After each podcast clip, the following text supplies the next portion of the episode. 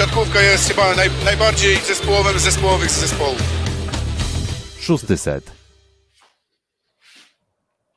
Czy nas słychać? Dajcie nam znać, czy nas słychać. Mm, to najważniejsza sprawa, bo jeżeli nie będzie nas słychać, to nie będziemy mogli dzielić się w takim zacnym trzyosobowym składzie mm, naszymi mm, odczuciami po zakończonej fazie grupowej i również jakimiś tam przewidywaniami co do jednej ósmej, która może sprawić kilka niespodzianek, ale też chyba mi osobiście nie wydaje się, żeby były to mm, niespodzianki ogromne albo na pewno liczne. Mm, słuchacie podcastu Szósty Set, jest z nami dzisiaj e, Michał Winiarczyk, Michał Winiarczyk z Nuance Sport. Cześć Michał. Cześć Piotr, cześć Kuba, cześć wszystkim, dziękuję za zaproszenie.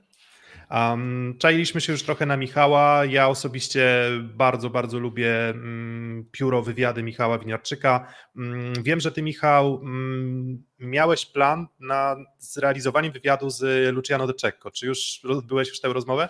Byłem, miałem szczęście takie na dosłownie dwie godziny przed wyjazdem Argentyny na, na lotnisko w Balicach. To, to było w tamtym tygodniu, tydzień temu, w środę pojechałem do Krakowa, widziałem się z nim, pogadałem 40 minut, bardzo, bardzo ciekawa postać, bardzo skromna, nie, nie gwiazdorzy, co, co jest właśnie, biorąc pod uwagę, nie wiem, często myślenie o wielkich postaciach siatkówki, to człowiek myśli, że to są naprawdę ludzie gdzieś z głową w chmurach, a to jest naprawdę człowiek e, stąpający mocno po ziemi.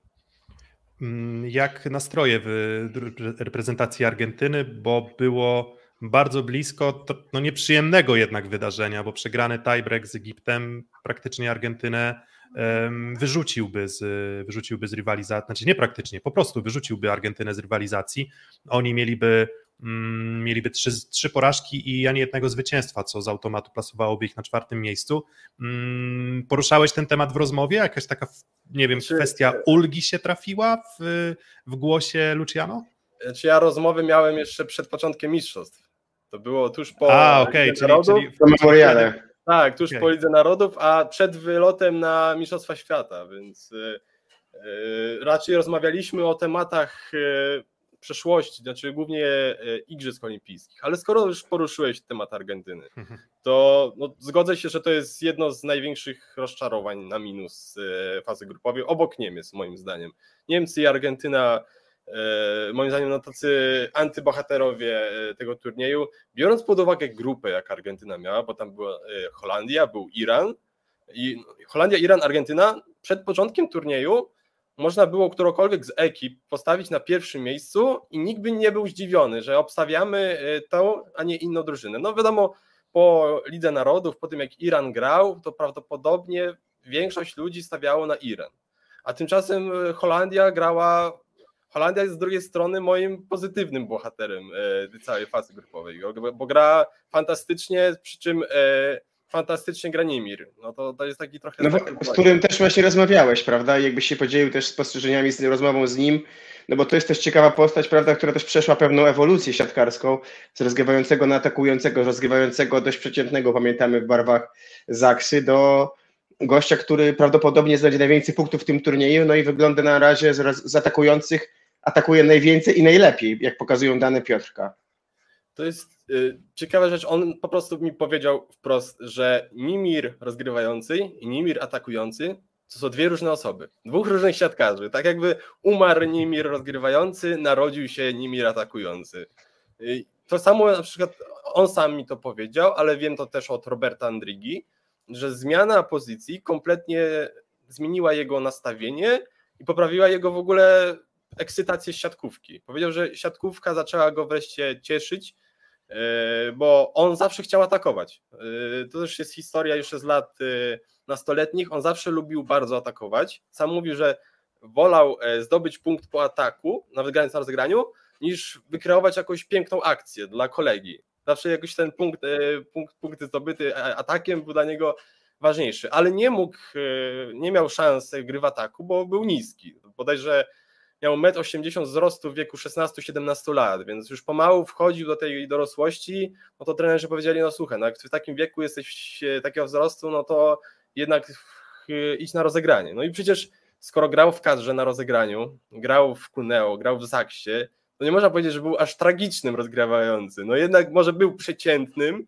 Teraz wiesz, patrzymy na to przez pryzmat y, tego, co on teraz wyczynia, ale był, był solidnym rozgrywającym, ale ta zmiana, zmiana na atakującego nie dość, że poprawiła y, grę, formę y, Holandii, chociaż co ciekawe, y, początkowo nie pamiętam, kto był wtedy trenerem kadry Holandii w 2016 roku, gdy on zmieniał pozycję, ale opowiadał mi Nimir historię, że trener był bardzo niezadowolony z tej decyzji. Początkowo, że stracił na nie wiem, tydzień czy dwa tygodnie przed początkiem zgrupowania letniego reprezentacji, stracił zawodnika, bo Nimir powiedział, że on, jak on chce idzie na atak, to idzie na atak wszędzie, czyli i w kadrze, i w klubie. Powiedział, że nie będzie dzielił gdzieś, tu będzie grał w, w, na rozgraniu, w ataku, no bo to są dwie różne pozycje. To nie jest tak, że czasami przyjmujący może zagrać w ataku, w atakujący na przyjęciu, nie wiem, przyjmujący na libero, to są takie bardzo, Andrigę widzimy właśnie w Holandii na libero, no to, to są takie sytuacje, no ale nie wyobrażamy sobie, żeby ktoś hulał między pozycją roz- rozgrywającego i atakującego. Tak, tam jeszcze w dawnych czasach, gdy było ustawienie na dwóch rozgrywających, to tam też trochę tych umiejętności ofensywnych było, mm, było wymagane. Mm, Obecnie już jednak są to zawodnicy, którzy atakują bardzo sporadycznie. Mm, Co do właśnie Abdela Aziza Nimira, to jak już podrzuciłeś temat, to tak szukając postaci, które mniej lub bardziej zachwyciły was albo da, zrobiły na was wrażenie, bo tutaj już się pojawiają pytania na czacie a propos tego właśnie, czy ja dobrze kojarzę, że Nimir ma najwięcej punktów? Tak, Nimir ma nawet powiedziałbym zdecydowanie najwięcej punktów i to wynika z dwóch rzeczy.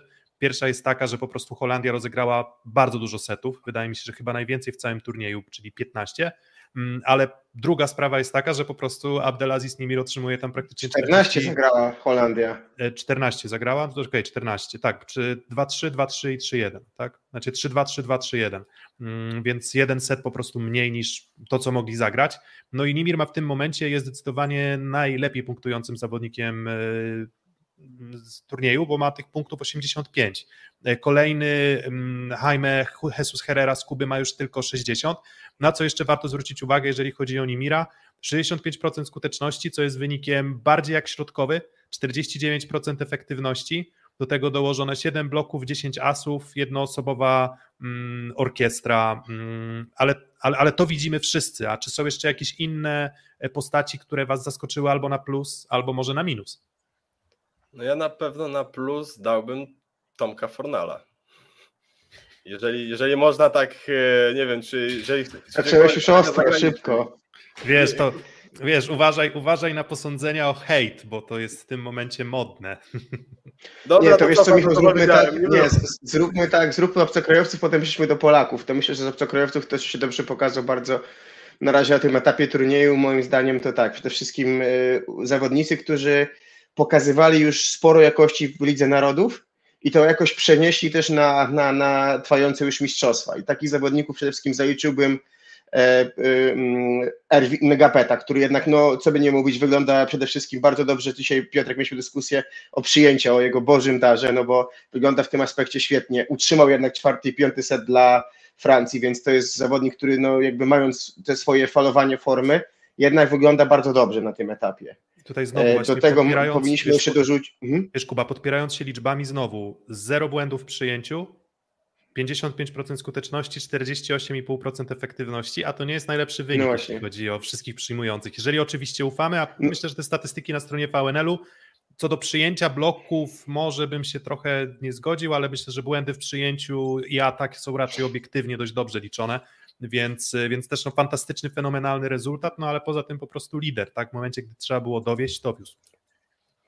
Ale to Tak jest. ciekawa- Wygląda bardzo dobrze. Mhm. Przepraszam, Michał, proszę. Jest, e, sorry, że wejdę słowo. To jest ciekawa sprawa z e, perspektywy trenera, bo zmienił się trener. Mamy Gianniego teraz zamiast Tilly, bo e, o NKP mówiono, że jak świetnie zagrał Igrzyska i jak Tilly zrobił z niego dobrego zawodnika, z tego co jakby lidera tej drużyny. On mi sam Tilly powiedział, mu dałem po prostu klucze do kadry. E, Ja wiedziałem, że NKP przez lata robił wiele głupich rzeczy, ale ja po prostu e, gdzieś odwracałem wzrok, zakrywałem oczy i udawałem, że nie widzę. No i teraz mamy Gianniego, czyli trenera, który prowadzi NKP-ta w Modenie. No moim zdaniem to jest też, to był też atut jakiś na start Gianniego, że wiadomo, że NKP już któryś tam rok z rzędu jest liderem tej kadry i jeżeli za e, Rezendę, no ten epizod Rezendę jakby trochę pomińmy, no bo on był za krótko, ale e, przychodzi za Potili Dziani, czyli tener kolejny, który go bardzo dobrze zna, to moim zdaniem już Dziani miał na start pewną, taki pewny handicap i teraz to się, to się sprawdza. No, Kuba. To jest to wykorzystywanie jednak tych połączeń klubowych, prawda, o których mówiliśmy. I, I Oskar bronił bardzo z nami w rozmowie połączeń klubowych, jeżeli chodzi o Zaksę. I to jak najbardziej zrozumiałe. Mamy połączenie klubowe w skrze, jeżeli chodzi o Macie, który gra kapitalnie z Bieńkiem.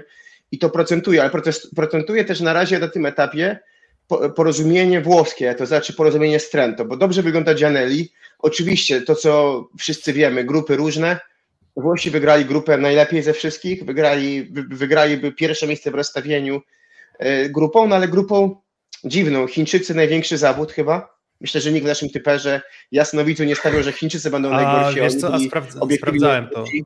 Wiesz co, sprawdzałem to mhm. ostatnio i jedna osoba na 289 osób, które brały udział, postawiły na Chiny, więc Mogę poszukać, mogę poszukać Nika, wiecie, mogę poszukać Nika w razie potrzeby. Ja liczyłem więc... na Kamerun i jeszcze jak był ostatni mecz Włochów z Chinami, tam już takie na, na Twitterze widziałem plotki, że Włosi może się tam podłożą, żeby coś zrobić. Myślę sobie, cholera, jak może Chiny coś ugrają, to nie będą ostatnie i ten Kamerun będzie ostatni. No, no tak, wiesz co, ja, ja, ja chyba też, ja chyba też Kamerun. Wydaje mi się, że Kamerun. Nie, nie, przepraszam, ja na Meksyk postawiłem, bo myślałem, że, że będą zupełnie rozczarowujący, a tutaj fajnie wyglądał ten atakujący. To właśnie kolejna postać, która fajnie wyglądała, czyli właśnie atakujący Meksyku. Tak, tak. Diego González y, y- Castaneda. Nie, nie, nie, był to, nie był to zawodnik przypadkowy, w sensie myślę, że to taki zawodnik, który mm, w Europie. Benfica Lizbona? Benfica Lizbona, PAOK Saloniki. Tak. Więc no, myślę, że. że... Jest 2000, pierwszy, rok, pierwszy, no. Tak. Z siatkarzami też jest tak, że ten okres teraz, te najbliższe trzy lata dla niego bardzo rozwojowe i, i myślę, że to jest w stanie pokazać. Natomiast wracając jeszcze do Włochów, szalenie ciężko jest coś powiedzieć o dyspozycji Włochów na bazie tak słabej grupy. Bo przy, jednak, y, y, bo z, a z drugiej strony y, dziś analizy naszego rywala w jednej e, czwartej, czyli w ćwierćfinale, mówiąc o tym, że to może być Turcja, każe mi się zastanowić, bo przecież Włosi po Turkach też przejechali, więc jakby bardzo ciężko jest na tym dziwnym podziale grup tak naprawdę, bo były grupy takie jak nasza, tak, gdzie masz jednego rywala bardzo trudnego, były grupy jak francusko-słoweńskie, gdzie też był jeden rywal, ale były takie grupy jak właśnie ta grupa, albo tak naprawdę grupa serbska, gdzie tak naprawdę ciężko powiedzieć na bazie jakiego zespołu, w jakiej formie jest Serbia, w jakiej formie są Włosi. No właśnie, jest też trochę tak, że mm, ja się bardzo odżegnuję od tego, żeby tutaj wszystko, bo ja mam trochę taką tendencję do tego, żeby próbować wszystko wytłumaczyć liczbami. No w końcu jestem z zawodu też analitykiem, analitykiem danych, więc e, nie chcę mówić, że to wszystko, że to, że to jest jakby odpowiedź na wszystko, ale jednak no, takie parametry jak właśnie, nie wiem, czy na przykład Lawia czy Micheletto, którzy tam robią po 60% skuteczności i tam blisko 50% efektywności, to są parametry naprawdę imponujące i to też jest tak, że nawet na tych słabych rywali Juri Romano tak dobrze nie wyglądał. Atanasiewicz na przykład ma prawie że ujemną efektywność ataku, wydawałoby się, że też na rywalach względnie, względnie łatwych. Więc to nie jest tak, że ci łatwi rywale to jest zawsze odpowiedź na wszystko, że to zawsze mówi tylko że, że, że wszyscy bez wyjątku nabiją statystyki właśnie na tego typu, e, na tego typu rywalach. E, wspomniałeś o Włochach, no to Micheletto, Lavia, mm, pewnie Gianelli. W przypadku Turków e, Lagumdzia, dość przycięty sezon w Serie A, ale jednak w tej, w tej, tej reprezentacji Turcji no, wyciąga ich za uszy. To też jest taki lider. On trochę w cieniu, w cieniu Nimira, bo Nimir jest jeszcze bardziej liderem niż, niż Lagumdzia, ale w przypadku Turków on też otrzymuje ogrom piłek. Naprawdę jest chyba reprezentacja w ogóle rozgrywający turecki najczęściej wybiera atakujących ze wszystkich drużyn w turnieju, jeżeli jako swoje opcje w ataku, więc, e, więc właśnie to też jest jakiś tam kolejny, e, kolejny przykład zawodnika, który się wyróżnia. E, nie wiem, czy wystarczy na USA, nie sądzę, ale, ale, ale ciekaw jestem, jak powalczy z blokiem Russella de Falco. Mówimy właśnie o Włochach, wspomnieliście o tych Serbach. Ja i wiem, że Serbowie teraz grają z Argentyną. Z pozoru to się wydaje, patrząc na to, jak wiemy, jak Argentyna grała, że e, Serbowie powinni łatwiutko ich e, zwyciężyć, ale właśnie przez to, że oni grali w tej łatwej grupie, że wszystko im przychodziło tak łatwo, gdzieś w mojej głowie przychodzą takie głosy, no a co będzie, jak właśnie przyjdzie pierwszy dobry rywal? Bo jednak y, też wiem od trenerów, na przykładzie, spójrzmy na przykładzie igrzysk ostatnich, że trudna grupa y, daje dobre otrzaskanie się, łatwa grupa, zdaniem Heinena była jedną z przyczyn później gdzieś tam y, porażki. Więc y, też jestem ciekaw, co będzie, jeżeli Serbowie trafią, no bo zaraz po tym, jak pokonają Argentyńczyków, trafią na zwycięzcę spotkania Brazylia-Iran. Brazylia z kolei to jest też drużyna, która spodziewałem się, że zawiedzie. Bo e, już się mówiło, Nie ty że jeden, nie ty jeden. już się mówiło, że Dalzotto to już jest nie jedną nogą, tylko trzy, i trzy czwarte drugiej nogi poza kadrą. Że już nawet słyszałem plotki, że już Rezende jest e, dogadany jako e, e, następca, powrót, powrót wielkiej Bernardinho, a tymczasem e, Brazylia dosyć dobrze gra. Pomimo, znaczy te pierwsze sety z Kubą e, gdzieś na początku może dawały gdzieś zwątpienie. Z drugiej strony też tutaj o Kubie muszę wspomnieć, że wiele osób wskazywało Kubę jako czarnego konia, a mam wrażenie, że oni tak bardzo surowo grają, nie wiem jak ocenić. No, nie, ten czarny koń jakoś mnie nie porwał. No. Y, Tak jak mówił, y, bo Bruno mówił o tym, że ma kontuzję, a Piotr dobrze skwitował, że ta kontuzja nazywa się Fernando. E, I faktycznie pierwsze dwa, znaczy Brazylia zaczęła ohydnie, Tak. ale ten Fernando tu porządkował i w tym zestawie nieprofesjonalnym zaskakuje też na plus chyba Wolasi, więc y, Mhm. Brazylia jest dalej groźna i, i wydaje mi się, że ta ich ścieżka do półfinału jest jak najbardziej możliwa.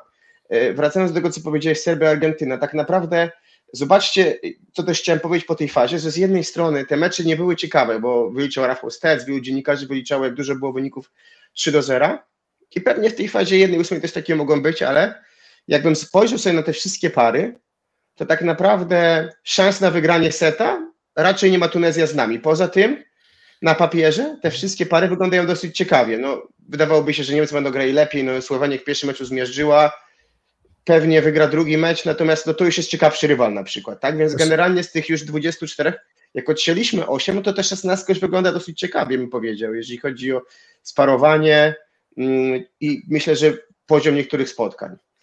W sensie, bo to jest troszeczkę tak, że mm, ciekaw jestem też waszego zdania odnośnie formatu rozgrywek y, dalszego, tak, bo to ustawianie sobie tych punkcików w grupach, tutaj pewnie wolałbym mieć sztywne rozstawienia w stylu tam, nie wiem, zwycięzca grupy A trafia na trzecią drużynę z, nie wiem, z grupy C lub D, tak, dajmy na to, strzelam hipotetycznie, trochę tak jak w trakcie Euro 2016 jest to, jest to roz, rozstrzygane. Mm, Natomiast jeżeli chodzi o sam taki u, sam układ ćwierćfinał, znaczy jedna ósma ćwierćfinał, półfinał, finał, te, te cztery mecze, mm, siatkówka jest takim sportem, wydaje mi się, w porównaniu do piłki nożnej, w której mm, na dystansie bardzo trudno jest tym drużynom z teoretycznie gorszym rozstawieniem, z niższymi umiejętnościami siatkarskimi powalczyć z rywalami mocniejszymi. Mm, Dzięki temu, że teraz mamy tę jedną ósmą, to wiele rzeczy może się wydarzyć właśnie dlatego, że nie masz dodatkowych grup w stylu znowu spotykamy się w trzy drużyny i jeżeli możesz, możesz odpaść, jakby, jakby może nie jest to bardzo prawdopodobne w przypadku Francuzów, w przypadku mm, nie wiem, właśnie Amerykanów, y, Polaków, ale w przypadku właśnie Serbów, w przypadku Włochów z Kubańczykami, no ale o tym o tej jednej ósmej jeszcze na pewno na pewno opowiemy, więc podoba Wam się ten format, bo, bo, bo byli ludzie, którzy na pewno, czy byli, na pewno są ludzie, którzy narzekają na to, że tych spotkań jest niedużo. Teraz spotkałem się z kolei z głosami, że no 6-7 dni przerwy w przypadku większości drużyn to jest dużo pomiędzy fazą grupową a, a jedną ósmą. Na mundialu jest to 5 dni, więc y, pił, piłkę nożną, więc też mam takie poczucie, że to jest trochę e, ból o nic, Mm, ale jak wam, jak wam się podoba... Ale wiesz, na mundialu masz zawsze 5, a nie masz 2, 2, 7. Rozumiesz, nie? Wiesz co, no Włosi, Włosi mają trzy, cztery mają chyba trzy drużyny, reszta ma chyba sześć lub siedem, więc, więc wydaje mi się, że, że i tak jest to w miarę poukładane, a jak teraz odpoczniesz dłużej, to potem przed ćwierćfinałem będziesz odpoczywał na przykład krócej, więc, więc, więc trochę jest to poukładane, ale ciekaw jestem po prostu też waszego zdania co do samego formatu e, rozgrywek. Czy ten format, gdyby nie było tych e, rozstawień dla, e, dla gospodarzy, to powiedziałbym, że nawet jest bardzo dobry, bo od razu przychodzimy do spotkań o coś. o spo, gdzieś o, do spotkań, gdzie dyspozycja dnia ma ogromne znaczenie. To się kiedyś mówiło, że te długie turnieje właśnie gdzieś tam Włochom, Brazylijczykom sprzyjały, że oni mogli sobie gdzieś tam wejść w ten turniej trochę tam, taki mieli taką właśnie takie koło ratunkowe na wypadek, że gdyby słabo rozpoczęli. No teraz spójrzmy na Igrzyska. Igrzyska to jest turniej, gdzie właśnie to się wszystko szybko toczy i widzieliśmy na przykładach Argentyny i Korei Południowej, jeżeli chodzi o panie, jak bardzo właśnie potrafi gdzieś mecz, dyspozycja dnia mieć znaczenie, no bo umówmy się, ile razy, nie wiem, gdybyśmy dali 10 spotkań, ile razy, nie wiem, Argentyna przeszłaby dalej, zdobyłaby brąz, ile razy Korea Południowa pokonałaby Turcję w ćwierćfinale e, turnieju olimpijskiego pań. A... Wiesz, ja nawet, wiesz, ja nawet wbiłbym taki, wiesz, kij w mrowisko, że ile spotkań Polska-Francja w ćwierćfinale Igrzysk wygrałaby Francja na 10, a ile Polska? 5-5, 6-4? 7-3, trudno powiedzieć, ale, ale to jest jakby też dla mnie, Francuzi też są przykładem drużyny, która skorzystała trochę na tym takim szaleńczym trybie. Teraz udowadniają, że są faktycznie fantastyczną drużyną, ale w trakcie igrzysk można było mieć wątpliwości co do tego, czy oni na pewno zasadnie wygrali. Po naszym ćwierćfinale mieliśmy takie pewnie wrażenie, że no, psim swędem wyszli z grupy, bo tam faktycznie do ostatnich piłek z Brazylią się to rozgrywało, a potem z nami też w sumie um, po bardzo wyrównanym meczu wyszli, no i po prostu akurat trafiło im się, akurat jeden dzień im się, e, im się trafił fantastyczny, ale to się może wydarzyć też i, też i tutaj. Znaczy właśnie dlatego lubię ten format, e, zaraz jeszcze dam Ci Kuba słowo. E, jedna ósma, jak wspomnieliście, mhm. tutaj jeszcze szanse na niespodzianki są niewielkie, ale w jednej czwartej ja już nie będę zdziwiony, bo hipotetycznie Słowenia trafi na Holandię, bo to one, one, oni są w tej parze. I ja w tej parze, jeżeli do tego meczu dojdzie, nie wskażę zwycięzcy takiego, że na pewno Słowenia, na pewno Holandia. Mhm. Nie, no to, to jest tutaj, tutaj pełna zgoda. My, Dawaj, Kuba. Wiesz, my, my zawsze się specjalizowaliśmy w turniejach 14 rok, 18 rok, to były grupa, grupa, grupa. Piszecie, piszecie na forum, że ten format jest lepszy jednej ósmej i też tak uważam, natomiast um, trochę zastanawiam się, jeżeli mamy y, przykład Euro, to co powiedział Piotrek, Euro 2016 w piłce, jasno, wszystko ustalone przed, robimy to samo i jedziemy tym samym trybem bez żadnych rozstawień, bo tak naprawdę od początku było wiadomo, to też zresztą pisał Piotrek i Michał Kwietko-Bębnowski, czyli na Twitterze, że zwycięzca fazy y, grupowej, czyli top 1, będzie miał mega ciężko, bo trafi na bardzo dobry zespół z jakiejś grupy, czyli to będą pewnie Amerykanie na przykład, tak? I, a gdybyśmy mieli od razu jasne ustawienie i ustawienie, że zwycięzcy grają na z tymi trzecimi na, na tym etapie i, to jest trochę rozbite bardziej pod kątem już wcześniejszego losowania, no to by się wydaje, że temat był prostszy. Ok, wchodzimy tutaj w temat tego, że doszli gospodarze, Słowenia, Polska musi zapełnić halę. Na Słowenii te mecze rozgrywane w jednej hali, które nie dają tak naprawdę e, tak naprawdę e, zbyt wiele, e, jeżeli chodzi o ilość widowni, no to to pewnie było wymagane, no bo pierwotny schemat turnieju w Rosji też był grupowy, grupa, grupa, grupa znowu, tak? Hmm. Więc my się musimy zdecydować jako siatkówka, czy chcemy bardziej widokowe turnieje, gdzie jest jednak sudden death e, i wygląda to w ten sposób, ale z jasnymi sadami od początku bez kombinacji, czy jedziemy grupa, grupa, grupa, bo umówmy się, w 2014 roku po tylu grupach byliśmy najlepsi w tym turnieju. Nie było wątpliwości i mieliśmy przekonanie, że to jest absolutnie zasłużone zwycięstwo, jedna porażka z USA w jednej grupie, ale ograliśmy wszystkich. W 14, w 18 roku do pewnego momentu średnio, ale potem w decydującej grupie ograliśmy Serbów, ograliśmy, znaczy z Włochami wystarczyło nam punktów, tak, po tej breku i przeszliśmy i tak dalej. Nie, tam, tam wtedy, jeden tam format wtedy... już będzie. Wiesz co, tam w ogóle z Włochami było tak, że my do 14 wygraliśmy pierwszego seta i był awans. To, to, to w zasadzie do I to stykało. Mhm. Tak, tak, tak, tak. I potem weszły rezerwy i tam było 2-3 jasne, ale.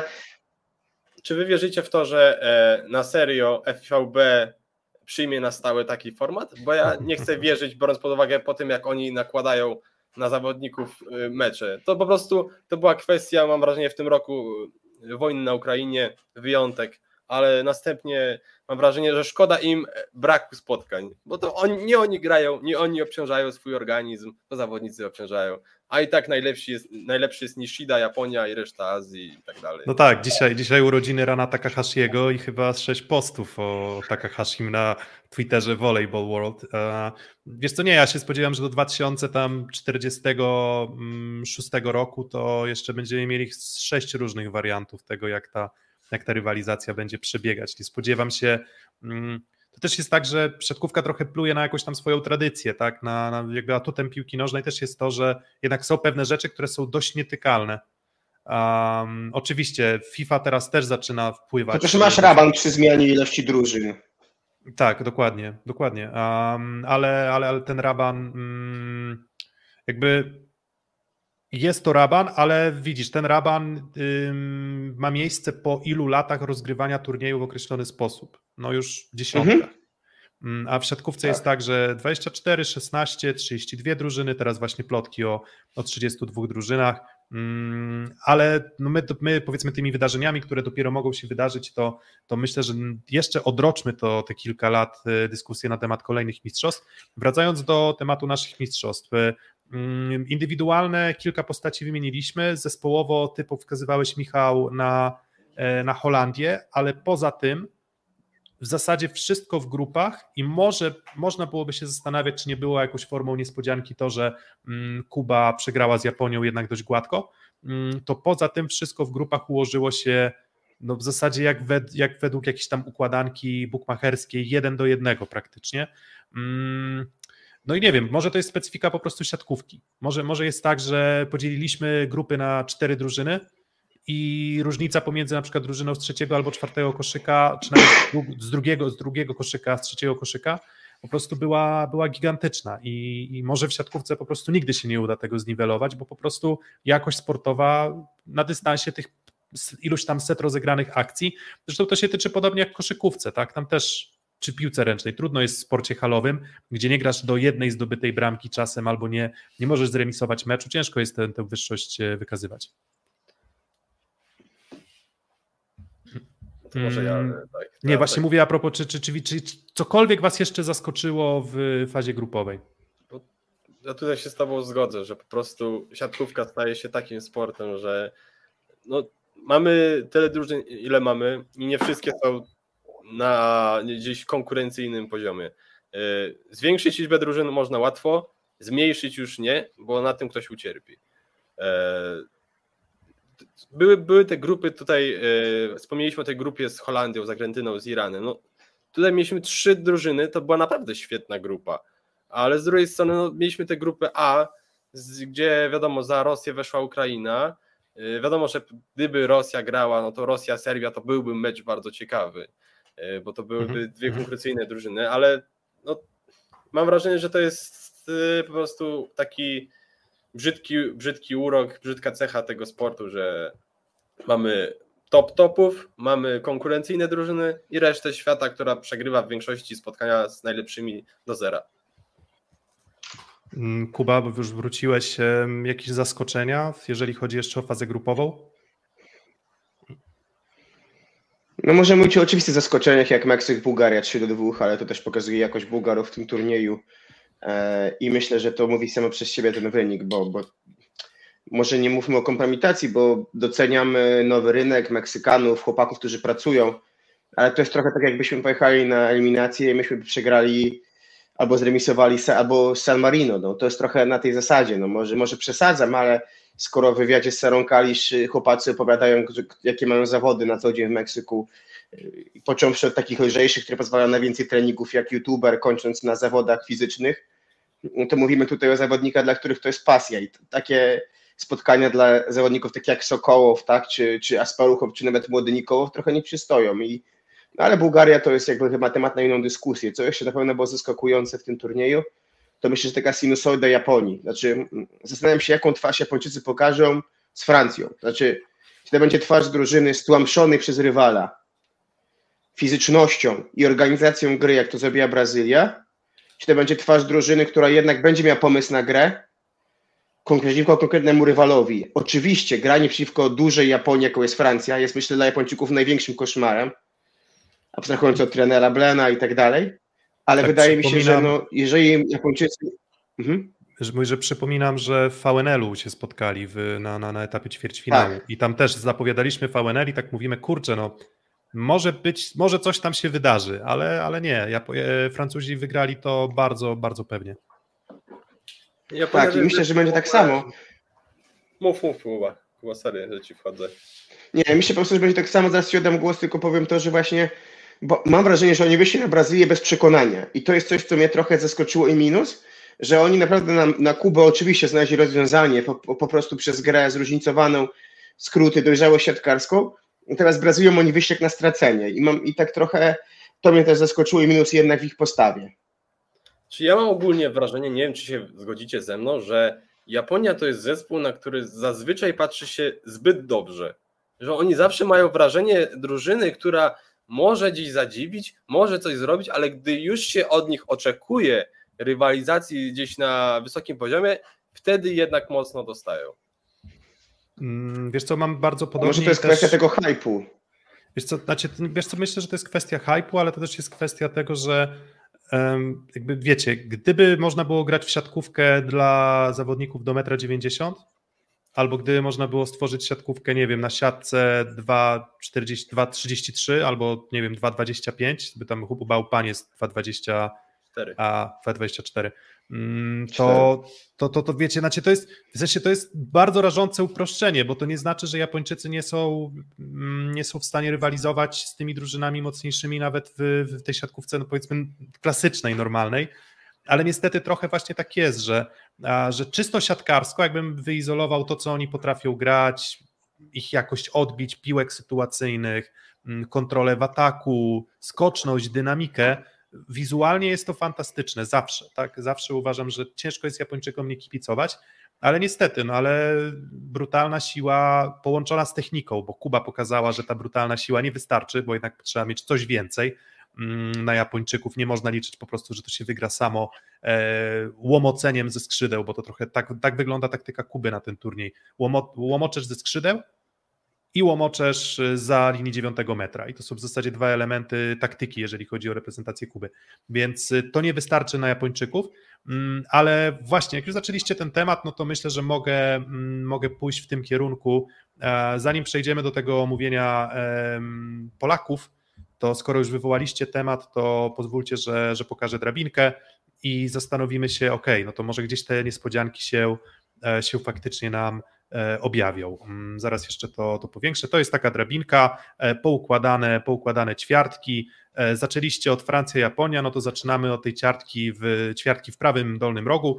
Francja, Japonia. Mm, Wy już mówicie, ok, Japonia fajnie wygląda, ale czy ma jakiekolwiek szanse z Francją? Wszyscy Francję niemiłosiernie hypują, bez wyjątku. Ja staram się trochę z tego wyłamywać, bo, bo myślę, że są elementy, które w reprezentacji Francji nie działają jeszcze, jeszcze specjalnie dobrze. Co nie znaczy, że nie zaczną działać. Oni też nie musieli grać pewnie na, na maksa swoich możliwości, Mm, ale mimo wszystko bardzo, bardzo trudno jest mi uwierzyć, że Francja jest w stanie tutaj, e, czy inaczej, że Japonia jest w stanie Francję pokonać, bo, bo to, że Francja jest w stanie pokonać Japonię, no to to jest prawie, że e, prawie, że pewnik. W I Michał, widzi- pozwolisz? Ja mówiłem przed turniejem, że wydaje mi się, że dla Francuzów system mm, playoff jest fantastyczny. Że oni w turniejach, gdzie jest playoff, wyglądają lepiej niż jak są dwie grupy, bo oni lubią się zrzemnąć, oni lubią zagrać mecz słabo i jeszcze kiedy, myślę, że kiedy rywale nie tak się ich bali, to takie mecze jak ze Słowenią to by przegrali, taki, takie sety jak z Niemcami też by przegrali. A w sytuacji, w której jest jakby na noże i już rywalizacja, no to oni pokazali na igrzyskach to, że generalnie mam przekonanie, że w te mecze decydujące, które już jakby mu, musieli wygrać, wchodzili bardzo pewnie w tiebreak. No abstrahuję od poprzednich setów, bo tam ten rozkład meczu był bardzo różny, prawda? Ale zobaczcie na przykład jak z nami weszli w tiebreak w Tokio. Świetnie. Jak weszli w tiebreak z Rosjanami. No było 2-6, tak, dla Rosjan. Zrobili 6-6 w jednej rotacji, już, nie, już potem zaczęli kierować przewagę.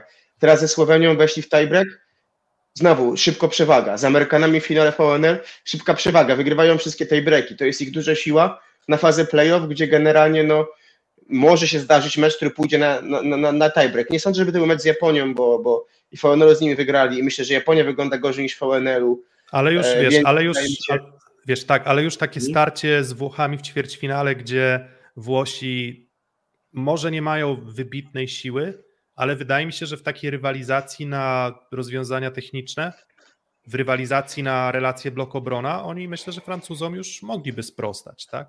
Pytanie, Mm. kto jest w jakiej formie, no bo pamiętasz VNL półfinał ich jednostronny 3-0 i teraz czy Francuzi w tej kosmicznej formie VNL-u są? Wydaje nam się wizualnie, że nie.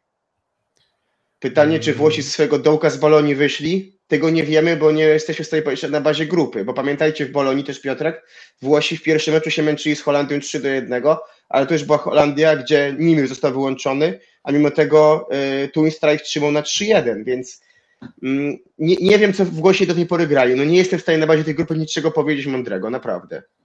Chyba jedyna grupa, gdzie nie jestem w stanie czegoś powiedzieć. A Gdybyście mieli skwitować mecz Francja-Japonia mm, typem? Konkretnym wynikiem? Wy, ty, jaki, jakim, jaki typujecie? 3-0. 3-1. Mm, Ja też stawiam na, na 3-1, bo myślę, że Francuzi jeszcze nie mają takiego, takiego swojego pełnego rytmu. Mm, Z tego, co dotkwie, doskwiera jeszcze Francuzom, to, to nieskuteczny jest Patry. Jakby cały czas Patry wygląda słabo. Mm, Coś, co może im mniej trochę doskwiera, to wydaje się, że jeżeli chodzi o środek, wygląda to bardzo dobrze, bo zachwycamy się Czynienies, który praktycznie kończy wszystko, co dostanie, ale po drugiej stronie układanki mamy Legofa, który skończył w zasadzie z parunastu ataków chyba 3 czy 4, więc on nie jest alternatywą w pewnych ustawieniach, po prostu nie jest alternatywą dla, e, dla, dla Blizzarda, przy czym on nigdy nie był zawodnikiem, na którym ta ofensywa była oparta, więc jeżeli on dokłada blok, a blok dokłada już 7 bloków punktowych, to, mm, to pewnie specjalnych pretensji o to wszystko Andrea Gianni, zresztą koledzy z zespołu też do, e, do Legofa nie mają. Natomiast w przyjęciu No i złamać- chyba. tak, w przyjęciu jest ich złamać ok- ok- ok- okropnie trudno. E, Japończycy na przykład Kubańczyków potrafili złamać, bo oni naprawdę potrafili ich razić za linii 9 metra. Francuzów będzie bardzo ciężko, no i kurczę, no nawet jak ci Francuzi mnie jeszcze nie przekonują, no to jeżeli gdzieś mają odpaść, to na pewno nie na etapie 1-8 z, e, z Japonią. Mm, Dalej, Włochy, Kuba w tej samej ćwiartce. Włosi zastanawialiśmy się nad tym, czy oni w fazie grupowej będą jeszcze kombinować, bo teoretycznie em, dziwna porażka z Chinami mogłaby ich przerzucić do innej części drabinki, trochę łatwiejszej, em, czy trochę łatwiejszej, dużo łatwiejszej. To byłaby chyba drabinka ze Słowenią, e, Holandią, Ukrainą, jeżeli dobrze pamiętam. Mm, Tutaj mają tę, tę drabinkę jednak trudną, no i też trochę wybrali sobie Kubę, wygrywając bardzo pewnie z Chinami, przecięli spekulacje, ale trafili na Kubę. No i właśnie, to co chyba wszyscy mogą powiedzieć o Kubie, że mm, w jednym meczu wydaje się być drużyną, która może wygrać z każdym. No i pytanie, czy ktoś jest na tyle odważny z Was, żeby wytypować, że faktycznie to będzie ten mecz z Włochami. Ja myślę, że e, wygrana seta z Włochami to jest e, coś realnego. Myślę, że Kubę stać. Na przykładzie spotkania z Brazylią widzieliśmy, że, na, że seta mogą wygrać. Może się pokuszą o tiebreak, ale no ja mam przy Kubie jakieś takie wrażenie, może trochę jeszcze nawiązanie do czasów e, sprzed lat kilkunastu, gdzie tam pamiętam tę dobrą reprezentację Kuby, no że to nie jest to. Ja, cały czas człowiek jakby patrzy na tę dzisiejszą Kubę i szuka w niej takiego polotu, finezji, jaka była w tej Kubie sprzed kilkunastu lat, a tu nie ma. Ale wiecie co, ja bym nie chciał grać z Kubą tej breka, bo i to nie samym sobą, bo w tej breku to jeszcze łatwiej to wyserwować, nie? A jak jakby z nimi grać tej breka, to dla mnie jest trochę ruletka, bo tam zaczną kopać i czy Herrera, czy, czy Jan, czy tam, czy Simon i to jest już trochę mniej wesoło. Znają trochę Włosi, niektórzy już e, e, Kubańczycy ligę włoską, e, Simon na nie zjadł zęby. To może być jakaś dla nich szansa, natomiast burdel w grze jest niesamowity i moim zdaniem tak dużo musiałoby zajść elementów y, właściwych dla Kuby, żeby pokonali Włochów, że musieliby się wspiąć dzisiaj, wydaje mi się, w tej konfiguracji personalnej przy tym zgraniu na swojego absolutnego maksa. Znaczy, pamiętamy pierwsze dwa sety z Brazylią, przepra- y, gdzie szybko zmieniony został pierwszy rozgrywający i wszedł drugi. Kaskada, Kastanie, nie, nie kojarzę jego nazwiska drugiego rozgrywającego i on wtedy dość sensownie rozgrywał. Nie było widać jakichś ewidentnych podwójnych odbić, czy niedociągniętych piłek, czy generalnie psucia gry.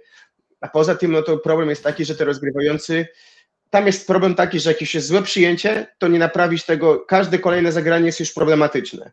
Więc, więc przy Włochach, którzy mają tak, specyficzną zagrywkę Micheletto, dobrze wygląda La Via, Gianelli dobrze serwuje, Galassi świetnie serwował w fazie grupowej, yy, wydaje mi się to być problematyczne po prostu i wydaje mi się, że mogę się pokusić też o 3 do 1 tutaj, ale w perspektywie jednak dojrzałości siatkarskiej tego może zabraknąć w tym konkretnym zestawieniu personalnym. No właśnie, właśnie. No właśnie, a propos, a, a propos mm, właśnie Lopeza. Mm, właśnie. 33% skuteczności ataku, 10% efektywności. Po zawodniku, który mm, wydawał się być liderem Sady Cruzeiro, a, no, która wydaje się być no jednak drużyną prezentującą poziom, no jednak, jednak poziom mm, europejski. Europejski, tak. To, to, to jest drużyna, która przecież śmiało rywalizowała i wielokrotnie wygrywała przecież z drużynami mm, w, na klubowych mistrzostwach świata. No to to jest wynik mm, dramatycznie zły, tak? I, i, i nie wiem, może do gry wróci Jant, który wydaje mi się, że gdy gra, to prezentuje się jednak odrobinę lepiej. Mm, ale, ale jest trochę tak, że coś, co może być jakimś tam atutem Kubańczyków, to jest to, że nie mam poczucia, że Włosi grają jakoś z powalająco mocną zagrywką, więc może trochę więcej komfortu właśnie będą mieli rozgrywający, którzy mam wrażenie, że gdy tylko trzeba zagrać cokolwiek dłużej, czyli na, na szerokości, nie wiem, 6-7 metrów, jakiś przerzut, rozegranie z pola, to albo jest to naprawdę postawienie świeczki, gdzie którą Włosi zmasakrują. Jakby nie boję się tego powiedzieć, że Włosi ze swoją jakością na, na bloku i organizacją gry po prostu mogą to zmasakrować.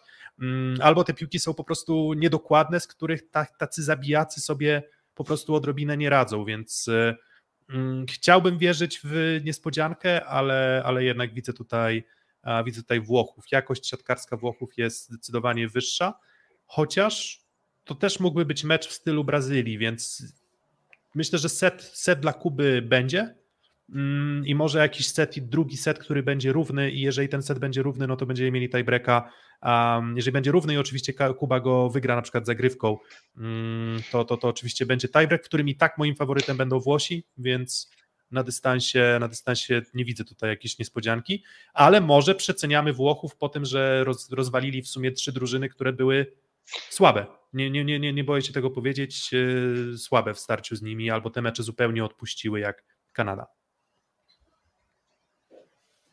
No tak, idąc dalej, mamy, patrzymy na drugą stronę pewnie drabinki, tak, i zakładamy... Ale zanim, ale zanim to no. jeszcze ten, typy usłyszałem wasze? Bo tak, ja 3-1 Tak, 3-1, 3-1. Okej, okay, dobra, a dobra, to teraz Kuba, druga strona drabinki.